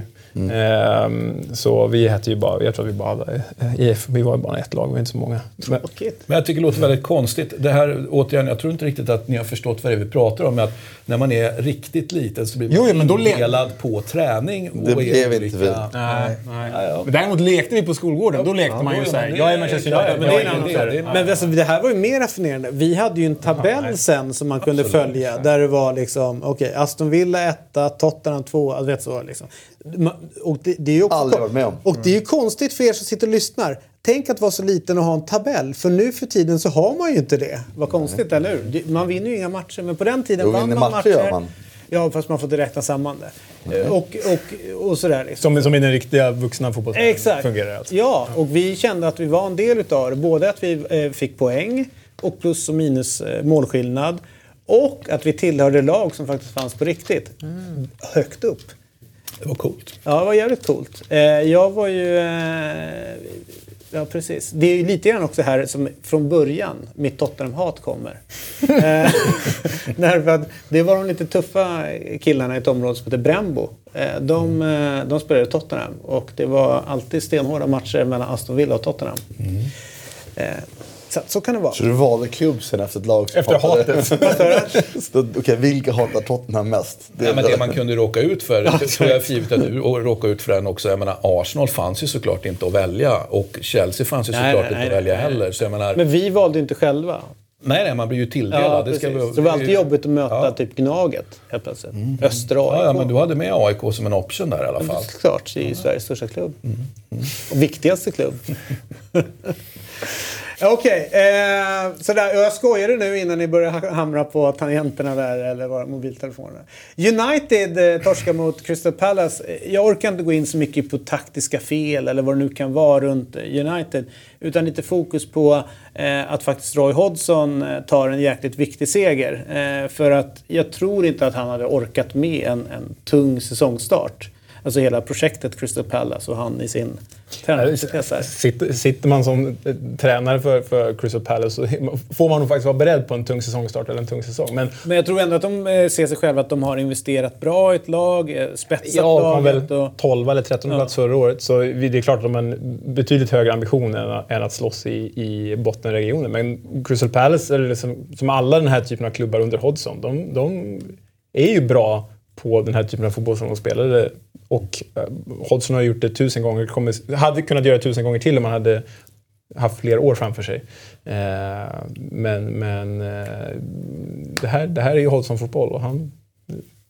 Jag är inte, man är inte förvånad liksom. Framförallt inte mot det här Manchester du United. tänkte fylla i, i någonting här? Eller? Ja, nej, det vet jag inte om jag tänkte. Nej, men jag, okej. jag, jag såg Eller eget- på matchen i alla fall, Ja, så det kan vi är säga. Jag är inte ett dugg förvånad över att den slutar som den gör. De, Ge- De Gea, eller De Gea som man då ska säga. Eh, om jag säger att han kanske borde ha nypt den där bollen. Ja, han borde ha gjort något annat än det han gjorde i alla fall, Ja. så kan vi säga. Jag tror att om han, om han bara hade stått upp eh, så hade han räddat den. Ja, men han borde absolut ha tagit det, men jag, jag tycker att det första målet som Crystal Palace får göra är, är värre. Alltså, avståndet som Maguire har till Lindelöf där, det, ja, det får inte. Det är Manchester United. Hallå. Ingen blir gladare än jag. Det är inte fucking jävla öster. Nej. Ingen blir gladare än jag när mindre lag skräller så här. Det är ju fantastiskt. Men det där får inte ske i Manchester United. Sen vad det beror på, men... Ah, nej, jag, jag, jag. I hear you, I hear you. Eh, Anfield då? Vilken smällkaramell ni åkte på. Ja, det var också inte kul någonstans och tyvärr, Vilken lavett gjorde mest ont? ja, vi tar inga lavetter utan det, det, Det var en det, käftsmäll, det frågetecknet som gör ont är ju eh, tyvärr eh, liksom är inte relaterat egentligen till spelare utan det är tyvärr Emery som jag börjar fundera på vad vad han... Jag tycker att han ställer upp det här fel med, eller med, med fel personer. Och med tanke på att han gick in, avslutade fjolårssäsongen på det sättet han gjorde, eller i alla fall laget föll samman och vann inte matcher som man ändå liksom skulle kunna göra. Så sitter jag här och tycker att det är jobbigt faktiskt. Och jag tycker att det är Emery-jobbigt. Men, men det, det, Precisera. Nej, men jag tycker att han har, alltså, det, det blir ju just den där tvåan då. Nu är vi på, på det centrala mittfältet igen. Tänk att vi alltid kommer tillbaka. Ja, men vad Va? fan alltså. Det, det måste se annorlunda ut liksom. Och, och, och Det var har, en trea den här matchen. har, vad sa du? Det var en trea den här matchen med Willock, eh, Ja, Guendouzi Willow- och Willow Grachaka. Det har du helt rätt. Men, det- men det jag egentligen vill komma till är ju de andra två där. Jag, ty, jag tycker när, när Guendouzi och, och Xhaka spelar ihop, jag tycker liksom det blir ingenting bra. Och du Men gör de inte en ganska bra första halvleken då? De har chanser att göra mål. Pepe... Men låt dem, jag, jag håller med dig lite så- men låt dem slutföra är Nej, nej, och, och du, du är ju ingen hemlighet om att, att jag vill ju alltid ha Torreira på plan om, om Torreira är liksom Fit for fight. fit for fight. Va? Eh, och det verkar som att han var det och, och, och så vidare. Sen, sen att han då inte, om vi, om vi bortser ifrån den här tvåan där jag tycker att det finns ett problem och frågetecknet kan vara liksom, vad, vad har vi egentligen för spelarbesättning? Vilket egentligen var samma frågetecken som för, för Roma och, och kanske Napoli också. Liksom, finns det verkligen rätt spelare att, att bland, blanda korten så att det blir liksom en bra, en bra Kökkelmödding. Ja, eller så ska det inte bli. Nej, kanske. Kanske det ni Eh, har. Var, vad var det nu med, med, med Lacazette som gjorde att han inte spelade? Kan man ju fundera. Fråga frankofilen. Ja, men det är möjligt att det var så att han var, hade känning eller någonting som inte, som, som inte vi andra vet. Men vad ska inte han spela mot Liverpool? Vad fan, alltså, när, ska vi, när ska vi gå med, med liksom bästa lag om, om det inte är mot Liverpool? Jag tror fan att vi ska göra det. Jag tycker det blir, skickar en väldigt konstig signal. Det är ju svårt att få ihop startelvan eftersom det är mm, liksom många bra spelare och några, men, men alla de konkurrerar om för få positioner så det måste vara några sämre spelare starta och det, det är väl det du, men vad vill du spela för system då? 4-2-3-1? Jag vet inte vad jag vill spela för system faktiskt. Jag, jag, jag, jag, jag letar efter att rätt system ska uppenbara sig, eller framförallt rätt besättning. Och det, ibland, Är det så att du sitter och längtar efter Wenger? Nej, inte på något Nej, sätt. Det, det gör jag inte. för, Men- jag, jag tycker att det, det, det är väldigt så här anglosaxiskt och, och, och tycker att det är förfasande att de släpper kanterna och så centrerar sig i ett mittfält. Eh, det tycker jag egentligen inte är ett problem. Jag tycker inte Liverpool ska göra ett, ett skit från de kanterna, när alla ytorna. Robertson och Trent Arnold kan slå 100 inlägg därifrån mot det som de spelade. Det är inte därifrån målen kommer. Det är inte det de faller på. Sen kan man diskutera om det var rätt taktik eller inte. Det, det, det, det låter vi osagt. Men det lades eh, en väldigt stort fokus på det i rapporteringen efter matchen i tidningar i England. På att man spelar diamant. I grund och botten så är, ju, är de ju tillbaka i det här hur vilka de ska formera med. Jag tycker att Pepe och Aubameyang, båda två, såg intressant ut i de här omställningarna första halvlek som du är inne på. Jag tycker inte alls det ser helt oävet ut. Den de får dålig effekt på är ju Ceballos. Som jag då, så att så halvtid, ja, men vänta nu, är det inte bättre då att spela, ta ut Willock och spela Ceballos där nere och spela med Lacazette. Det är en offensivare balans, men det kanske till och med blir bättre för Ceballos är ju faktiskt en spelare som kan tolerera pressen som Liverpool sätter in och hålla i bollen och lösa upp någonting. För någonstans tyckte jag han visade också att typ PP, alltså, PP är fin ja. Ja, men jag Mycket fina intentioner. som, alltså. som känns unika faktiskt. Alltså när han gör, sen så kan det se lite kantigt ut också. Men han, han kommer ta fel beslut, men han kan slå ut vem som helst. Mm. Han är inte som, eh, som, någon, som eh, kanske då Aubameyang som är mer en klinisk spelare. Mm. Men, men eh, Pepe är ju också fysiskt ett, ett, ett hot, ett monster. Liksom. Så jag tycker mycket i matchen ser rätt okej ut. Sen håller jag med om att det är en problematik med det här mittfältet. Jag får heller inte riktigt ihop det. Jag tycker ju som jag, jag gillar ju verkligen Torreira, men min farhåga förra året tyckte jag besannades. Han, han har svårt när det blir, alltså, han räcker inte till fysiskt. Han är för långsam och han är för klen. Och kompenserar med en jävla spelförståelse och attityd till viss del. Men han blev också överkörd den här matchen mot de här stora lagen. De sprang ju i princip över honom. Liksom. Och det tyckte jag var ett problem förra året. Samtidigt som jag att Gwen- Guendouzi har en höjd, men är för ojämn. Och Xhaka vet inte fan vad man har liksom.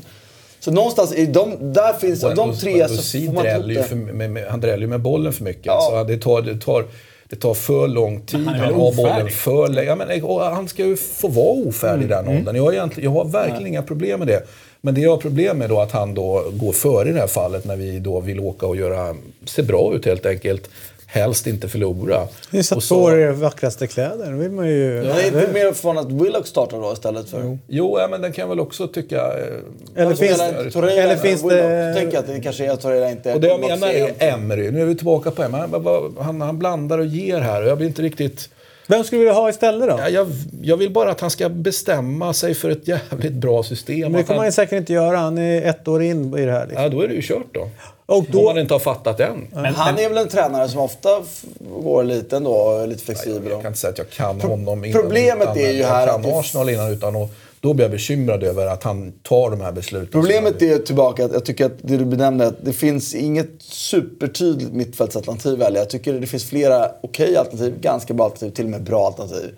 Och sen finns det flera superalternativ att välja framåt. Och ska du ha in alla de tre så måste du spela än mer. Alltså, det blir Men det lite- måste ju vara tanken att de tre ska spela tillsammans. Det är ju äh, översikt. Majoriteten av Nej, jag är inte matcherna. alls säker på det. Och då ska du spela Lacazette, Aubameyang och eh, Pepe. Pepe. Vad gör du med Ceballos då? då? Ska jag spela Han ska ju vara bakom väl? Ja, och då är det frågan om du ska spela det mot Liverpool.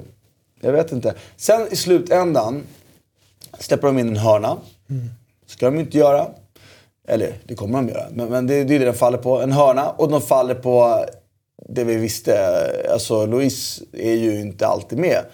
Tröjdragningen är ju, är ju väldigt, alltså det är otroligt vaket gjort av Firmino och Salah. Vi har sett det tidigare. Men han behöver inte dra dem där. Och den är solklar Och den andra, må- sista målet är ju bara... Monreal. Ja. Ja, men Luis också, vad fan, du får inte stöta. stöter där, ja. Luis, det är läget uppstår, du möter en av världens bästa spelare, för det är Salah ändå. Liksom. Bara fallet och yta så blir inte det farligt, men det är ju inte Luis. Liksom. Är ett Så att det, alla de grejerna vet och då vi ju blir, om. Så att då är- blir utfallet större än vad skillnaden egentligen var, liksom, tycker jag. Jag tycker det är bättre att, jag, jag tror inte Arsenal kan utmana de här om en topp tre-plats. Men någonstans så jag delar den här matchen så gjorde att jag, fan det finns något där. Liksom. Vad säger ni om är det inte- Liverpool eh, och, och, och deras prestation? Jag tycker ändå att, eh, jag förstår vad du menar Martin med att det, att det fanns någonting där med Arsenal. Jag tycker ändå att det är en viss styrka om man ser på ett annat sätt med Liverpool. Att jag tycker till exempel Salah såg helt osynlig ut första halvleken. Eh, Han, han, gjorde, han var ju också rätt så osynlig mot Southampton förra helgen när Mané tog eh, hela eh, rampljuset. Men att bara växla upp så här, se möjligheten och slå till. Eh, Och att man gör det mot Arsenal, det tycker jag på något vis visar om man också ser på hela helgens resultat att City och Liverpool, de är det visste man redan innan om, men de är verkligen på en helt annan nivå. Nu mötte ju City självklart ett annat motstånd i Bournemouth. Men att eh, Spurs också tappar poäng, Arsenal tappar poäng, United tappar poäng. Eh, nu tog ju Chelsea poäng där. Åh fan. Viktigt mot Norwich. Men, Skrattade hem tre poäng. men jag tycker ändå att det, det är i slutändan, ändå om de inte glänste Liverpool, då tog man den här segern. Eh, likt kanske Dortmund om man ska ta, reflektera till Köln-matchen där. Att man, man, gjorde det, man gjorde jobbet som skulle göras. Det är det som får mig att känna att Liverpool någonstans ändå ligger till och med lite före City i den här. För att jag tror inte City kan spela, jag, okej, okay, spela City på den nivån de har gjort hittills i år. Men jag tror inte de gör det hela året. Mm. Och frågan är, de perioderna de i City inte gör det, hur långa blir de och vad händer med resultaten? För där är jag mer trygg med att Liverpool det, jag tycker inte de har varit imponerande i någon match. Så här, super, förlåt, de är imponerande alla tre, men Mm. de har inte varit superimponerande. Du nämner en annan sak också. att När Salah inte är bra så har de spets i Mané. Och jag håller ju Firmino extremt högt som en trea. Det finns... Han faller ju undan. Han, det är det som är lite synd med, med Liverpool också. För, för när de har Salah och, och, och Mané runt omkring sig. En Bobby Firmino liksom försvinner i, i, i uppskattningen. För jag menar, hans spel förenklar ju så oerhört mycket för, för kantkillarna. Så Så att, det, jag, jag håller nog... Ja. Ja, det där kanske är att ta i. Men... Men, eh, men, men Han skriver som han har spelat med. ja, jag ser det. Ja, men då- där tänker jag att det liksom... är- du menar att han har spelat vilka- med James Ward-Prowse i Southampton? Ja. Det är det ja. Nej, men någonstans eh, så, så och det är möjligt. Men, men Firmino är helt säkert en, en grym fotbollsspelare. Men det är i alla fall, apropå det, så, Liverpool imponerar i en match. Den, jag tycker de får ett ganska bra motstånd mot Arsenal. Arsenal har några ruggiga spetskompetenser och får de till Monstern ännu lite bättre så exponerar de ändå lite Liverpool. Men jag tycker Liverpool står emot jätte, jättebra. Det är mer intressant och, och att de ska vara före...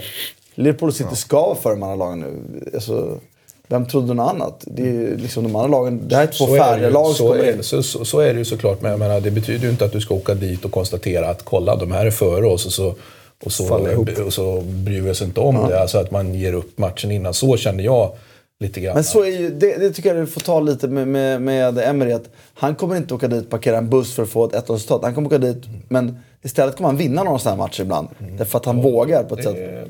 Härligt! Eh, eh, Men jag menar, att våga hade ju kanske varit att ställa upp med ett annat lag också, eller hur? Jag menar, jag, jag tycker han... Spelarval är mer intressant att fråga om. Jag Det tycker, han, jag inte tycker han åker dit och eh, är helt bekväm med att ta den här förlusten. Det är min invändning. Eh, dags igen för att, eh, att ni ska få lite konsumentupplysning om de bästa och de mest snygga. Steve Bruce, hallå! Vad sa du? Vi måste ju hinna Steve Bruce 10 sekunder. Okej, att hans Newcastle vann... Eh, det, är ju stort. Ja, det tyckte du var stort. Ja. Det tyckte du var härligt. Joel Det måste ju du tycka också då, som du ha- hatar den klubben så mycket. Nej, jag, ha, jag, hatar väl väldigt starkt. Nej, men jag, jag bara Okej, tyckte- kör, kör, kör. Jag tyckte det var fräckt att liksom, det det är synd att Noah inte var här för att vi har diskuterat Steve exakt. Bruce väldigt ymnigt. Ja, ja, jag fattar. Eh, eh, men men eh, Tottenham skulle ha vunnit matchen sett till chanser. Men sett till... Det var du som kommenterade Martin. Du Ja. sa det väldigt bra i slutet där. Med, med, sett till kämpainsats och arbetsinsats så förtjänade Newcastle ändå det de fick med sig. Följer sin matchplan, absolut. Ja. Eh, sen att det blev en pyrrusseger med skadorna är ju en annan sak. Men jag, jag tycker liksom att nu, Newcastle har sett fruktansvärt ut de två föregående matcherna. Men jag tycker ändå, jag vidhåller att Steve Bruce får för mycket skit för den ambition som Newcastle har som klubb. Det är vad jag tycker. Jag får Utveckla. precisera, för det där har inte jag följt. Liksom. Nej, men, eh, Noah och jag har ju diskuterat på Twitter kring huruvida... Dra inte in Noah här nu. Nu vill jag höra din... Ah, nej, men grejen med Steve Bruce att han är inte bara Noah, det är många andra som, som har kritiserat valet av Steve Bruce. Och det håller jag med om, för Newcastle som är en av Europas... Du 20 säger lite om ambitionen. Precis, för Newcastle är en av de rikaste klubbarna i Europa. 20 Potentiellt rikaste. sett, ja. De ska ju kunna vara mycket högre upp. Men Mike Ashley, som är en galning. Ja, det vet jag. Det behöver inte jag. Hans, när hans ambition är att hålla kvar Newcastle i Premier League. Då, med, när det är målet, då tycker inte jag att Steve Bruce är ett orimligt val på tränarbänken. För han har etablerat Birmingham och Wigan i Premier League, hållit dem kvar. Han har gjort två hyfsade säsonger med Sunderland, sen fått sparken. Han gjorde en ganska bra omvandling med Sheffield United på bara ett halvår, Sheffield Wednesday på bara ett halvår. Han har alltså fått sparken två gånger på 19 år under 2000-talet. Det är inte ett dåligt resultat. Jag säger bara att Steve Bruce Nej, men det kan jag väl hålla med om. Alltså, Jag håller med Leonard. Det är alldeles för mycket skit för den tränaren. ja, det visste inte jag att det var. Jag, skiten trodde jag hamnade om att ambitionsnivån är så Det är ju- dåligt det är ju den är grund- befogad. Mm. Det- Nej, vadå? Newcastle Det ska ju... strukturella problemet. Ja. Och sen hade vi Ett det strategibeslut, exakt. Nej men det, det är ju någonstans, för mig, givet att Newcastle ska inte åka ur. De har för bra trupp för det och jag kan inte Steve Bruce så bra men fan, det vore ju det ska vara katastrof om de ska gå ur tycker jag. Verkligen.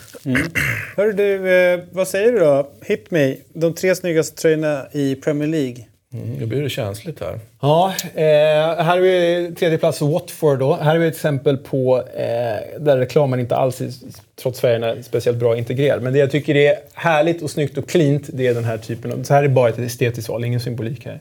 Snyggt och cleant är att eh, man kör ett, en tudelad tröja, vilket Watford inte har kört historiskt. Men det är en referens till klubbmärket som också är tudelat. Gult ena sidan, svart ena sidan. Jag tycker det är ett cleant val. Snyggt. Tvåan. West Ham som eh, flörtar med framgångar på 70-talet. Eh, med den här tröjan är en referens bak till, till gamla dagar. Men man gör det på ett otroligt snyggt sätt också. Vilket jag tycker är ja, bra. Första tröjan de har är också skitsnygg. Ja, Ja, de, jag tycker de ganska ofta lyckas med sina tröjor faktiskt. Eh, etta. Etta. Och det här är ju inte bara, det är Arsenal som ni ser då, det är ju inte bara estetiskt mästerverk, det är jätte, jättesnyggt eh, på alla sätt. Men det är också en, en spegling av tröjorna de hade på tidigt 90-tal. Så det är också en hommage till det som har varit. Liksom. Mm, gillar den här? Absolut. Jag är väldigt bekväm med, med, med Adidas då. Och jag är ännu mer bekväm med, vi har ju ett helt fantastiskt briljant andra ställ då som ju apropå är hyllning bakåt i tiden. Blågula där eller? Ja, den som då så att säga, ju- originaltappning var ju ganska, var ganska ful onekligen. Kanske en av de fulaste tröjorna någonsin. Sen att vi råkar vinna grejer, det är ju en annan femma va. Vi brukar ju ofta vinna eh, viktiga segrar i just gult. Fula. Okej, och fula tröjor. Nej. Eh, men, men då tycker jag att den här då ganska bedrövliga tröjan från back in the days, även om jag såklart älskar den, uppdateringen av den, den tycker jag är, jag tycker faktiskt den är briljant. Och det hade jag kanske inte riktigt trott att jag skulle tycka. Nej, vad härligt när man blir överraskad, eller hur? Du, eh, vad kul. Jag vet inte om vi har lyckades nu. Jag har mejlat till eh, vår vän kroaten här en bild som jag skulle vilja att de skulle lägga upp. Eh, den, den kan ju komma när som helst. Men det, det finns någonting fint tycker jag. Eller vi gör så här, han kanske har tid att göra det nu. Och så kollar vi på eh, när fotbollstyckande kan gå överstyr. Och det är eh, Ian Holloway eh, som har synpunkter på VAR och eh, vem som äger problemet och varför det är så stort problem. Eh, och eh, då säger han det att eh, det här är sånt här vi har fått in från Europa. Eh, de... Eh, det blir bra att lämna EU. Det var därför vi röstade för Brexit, så vi skulle slippa såna här saker. Eh, och då eh, var han ju lite snett på det då med eh, sin analys runt det hela. Efteråt har Ian Holloway gått ut och tagit tillbaka sitt påstående. Men jag kan säga det är väl Hur gjorde han det då? det är väl det mest sjuka man har hört. I en, och det var ju det här pro- programmet Debate som de har på Sky Sports med, med Jeff Shreves. Tyvärr, tyvärr är det här, och det gäller inte bara VAR-diskussionen, tyvärr är det här ju väldigt återkommande typ av kommentarer från de fotbollsprofiler i England som är pro-Brexit. Liksom. I våras var ju Neil Warnock, Cardiffs tränare, ute och svingade och sa att det blir så bra med, med Brexit för då slipper vi alla utlänningar. Och då i hans trupp hade han ju 12 icke-britter i truppen och en malaysisk klubbägare. Det, ju, det finns, ingen, det finns Nej. ingen reflektion eller tanke. Det är bara liksom... Det är ändå härligt eh, de gångerna när man också själv råkar ut för det. Jag pratade om kung Leopold i början av programmet. eh, när man inte tänkt klart hela varvet runt. Eh, så. Så kan det vara. Nu vet jag inte. Jo, det är det här. Det finns ju tillfällen och det finns tillfällen. Och det, det är det här, vi pratade tidigare om varför man älskar fotboll. Det här är Jamie Vardy. Han eh, spelar för Leicester mot Sheffield United och gör mål. Eh, jag tror att det är 1-0 målet han liknade. Och så säljer han sig och jublar på det här sättet eh, framför United-supportrarna. Varför gör han då det? Jo, han är en Wednesday-grabb. Han spelar i Sheffield Wednesday som ung. Det är liksom hans klubb. Och det finns någonting vackert tycker jag i det här. Och det Jag finns det är någonting trams att man får varning för såna här grejer. Vad sa du? Det är Ja, trams ju. det är ju det, är det här Jag vi lever och andas när för. de eller? sprang på Nou Camp så här när Jag tycker det, det finns något mäktigt med det som man måste acceptera. Ja, det är ju en balans mellan spelare och publik. Varför ska publiken få... Ja, du ser. Ja, men ska publiken få kritisera spelarna och jävlas med dem och inte tvärtom? Det här är ju bra brittisk banter. Ja, ja visst. Det Jag tycker, jag tycker det är så underbart hur han... Alltså normalt sett så kanske någon fegar i det här läget och ställer sig borta vid straffområdeslinjen ungefär. Om det skulle stöka. Men nej, nej. går. Jamie, hela vägen fram och så ställer han sig och kör den där. Och jag har ju själv stått på en läktare och varit förbannad när någon har gjort en målgest som man inte uppskattar.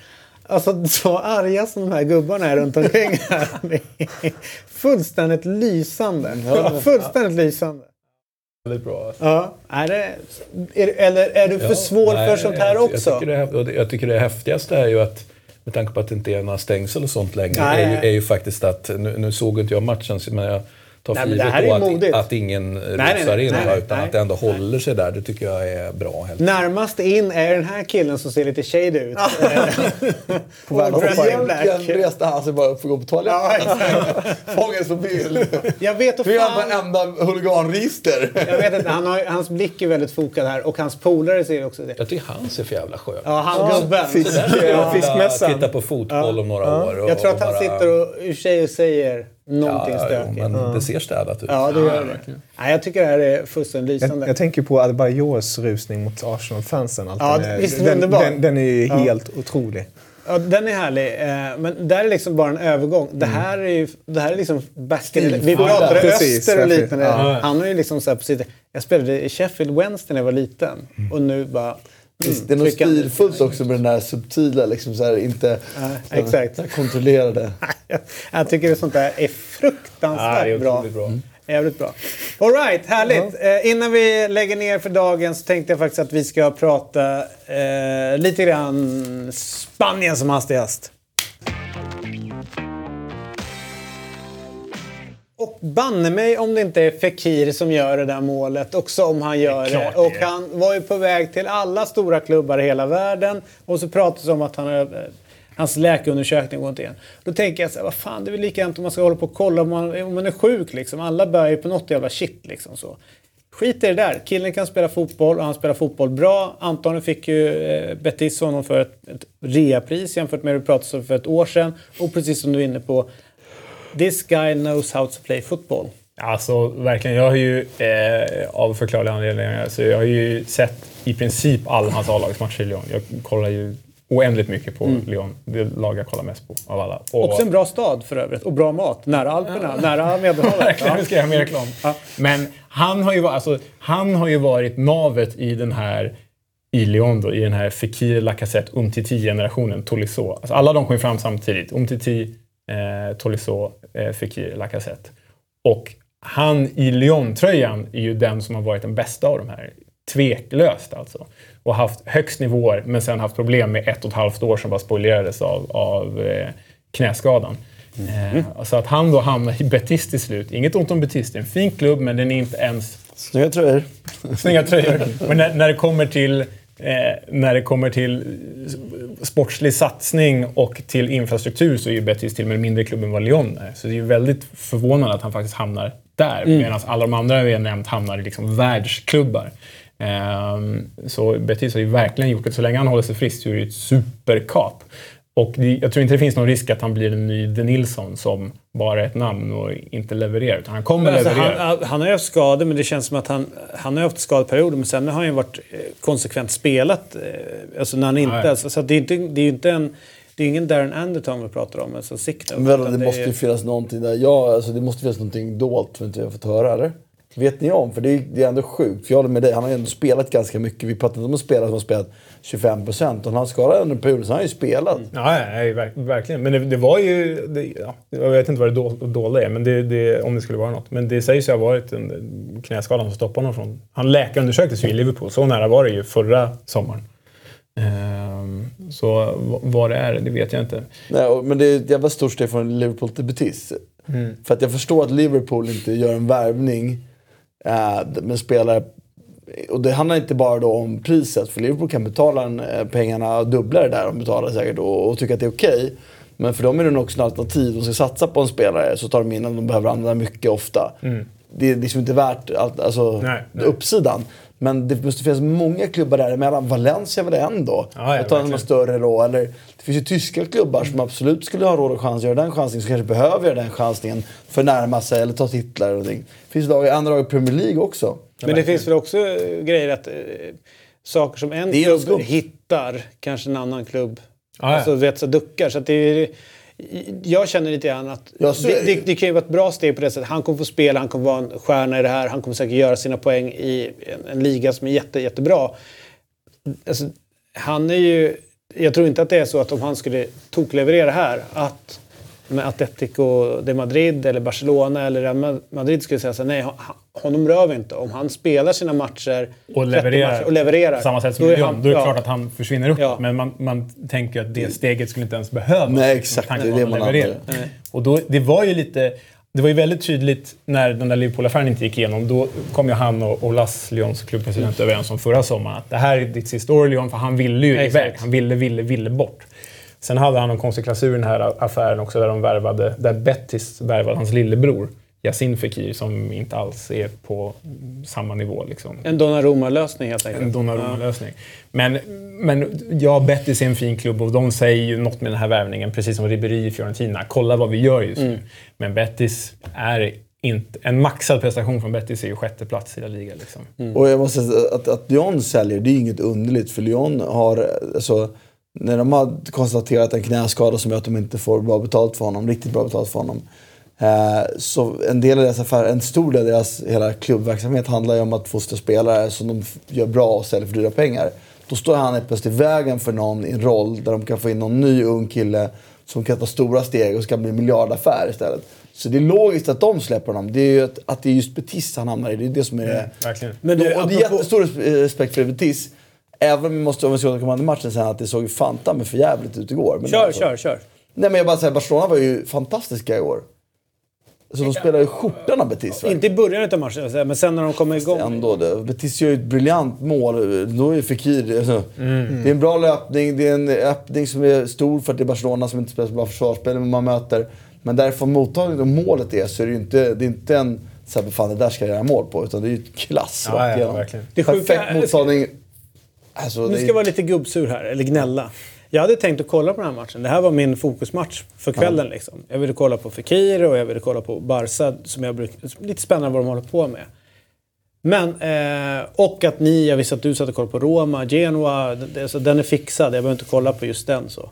Det gick fan inte att kolla på den här matchen. De hade ju ljud från en annan arena tror jag. Det var ju någonting... Roma, svart. Var det det? Ja. Det var ju ljud från en annan arena. tog de bort och efter en och eh, sen låg ju eh, ljudet sen i osynk med, eh, med matchen. Skandal. Förutom krig och cancer, ljud är osynk när jag kollar på fotboll. Det är fan bland det värsta jag vet alltså. Ja, Det det är inget som bra. jag gjorde. Då sänker man ljudet på den matchen så höjer man ljudet på någon Ja, annan jag, jag har ju börjat kolla på en match nu. Jag vill Du börja kollar sätta, på den så hör du ljud på ja, den ja, Sätter mig in i matcher. Kolla. Ja, men det gör du väl utan en kommentator? eller? Ja, nej, men jag håller med. Det var ett sjukt störande moment och det tog lång tid för dem att åtgärda det. Eh, det, alltså, det är det värsta jag varit med om.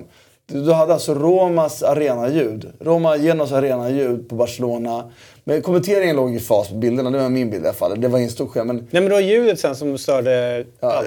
det var ju, ja, det var ju svårt. Jag håller med. Det var svårt tittat. De var ju tvungna att stänga av ljudet när- till slut. Liksom. Men vad fan, shit happens. Alla gör fel. Eh, jag kallar kung Leopold eh, fel här i början. Så att, jag menar, livet, livet är, är som det är, fullt av misstag. Men Men att det är Betis- viktigt att se det som erfarenheter. Inte som att man har gjort bort sig. Betis såg i alla fall väldigt ihåliga ut. Jag kan inte tänka mig att Barcelona var så fruktansvärt bra.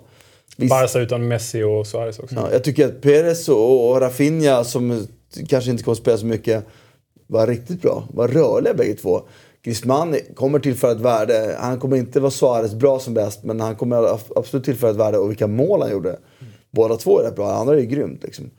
Så det var ju en rolig match Barca supporter. Så ena stunden man tänker fan vad bra de spelade äntligen. Vad de rörde sig. Vad kul att se att inte de här trötta... Så det fast spelare som var i, alltså Pérez tyckte jag var en riktig... Var snabb och rapp och ständigt Jag kan honom dåligt. Vad är det för... eh, Egen talang som var i Barca B Debuterade i våras va? I första matchen. Ja, han spelade Barca B och gjorde nio mål, tio mål i Se- i Segunda var det förra året. Segunda B. Var det inte Ja, det? bara, Barca B. B där. Ja, Ja. precis. Nej, men de spelar väl Segunda B också, gör de inte det? Ja, det kanske de gör. Segunda B, CLD, jag kommer inte ihåg. Men, men han, han så bra. Men, men, jag kan inte låta bli ran- landa i då att fan, eller vad Betis såg för jävligt ut. Det måste ju varit det. Liksom. De var öppna utan att vara Setiens höjd. Ja. Men... Eh, och därför, Fikir, sorry. Ja, men jag vet. Det Det, tufft, det, det är alltså. konstigt. Jag vet. Det är märkligt. Ja, det blir tufft i år. Härligt. Tiden går. Vi eh, hinner inte med. Isak, bra inhopp. Ja, härligt. Kul. Eh, Spännande. Eh, Choupo-Moting, två mål för PSG. vad sa du? Choupo-Moting. Det tycker jag också är skitkul. Jag tycker... Choupo. Jag, jag, jag t- tittade för ett tag sedan bara, jättekort bara. Han, han har gått ehm, free transfer alla sin, he, hela sin klubbkarriär. Förutom den första klubben, jag tror när han gick till Hamburg, 900 000 ja, mark eller vad det var vid den tiden. Helt otroligt och nu är han i PSG. Mark, är det så Nej, euro är det säkert. Ja, man, man, man gillar ju Choupo, det gör man Och han ju. gjorde klassmål också. Ja, det Fan, var det inte ett bättre samhälle när vi hade tyska D-mark förhålla oss till? Och Moting är ju faktiskt eh, högaktuell för Lecce måste vi också konstatera. Det finns ju en... Eh, alltså PSG och Lecce är ju redan överens. Frågan är om Lecce blir överens med Moting. Som nu höjer sin. För Cava- Cavani gick ut skadad igår. Det inte var så bra att han... Mbappé gick det ut. Härligt! Vi, eh, vi fortsätter det här surret eh, efter. Eh, Och ja, vi hoppas på att euron faller. Det blir bättre investeringsmöjligheter då. Ja, det mycket. Och tusen tack för att ni tittade. Vad bussigt. Glöm inte bort Chartersvenskan nu. Det är Magnus Kihlstedt som ställs mot Rami Shaban. Eh, och eh, om ni nominerar då era förslag på en chartersvensk och den vi tycker allra bäst om eh, vinner en t-shirt med, eh, med den här. Ola Tidman. Ola Tidman är ett jävla bra namn. Just MFF, MFF-killen.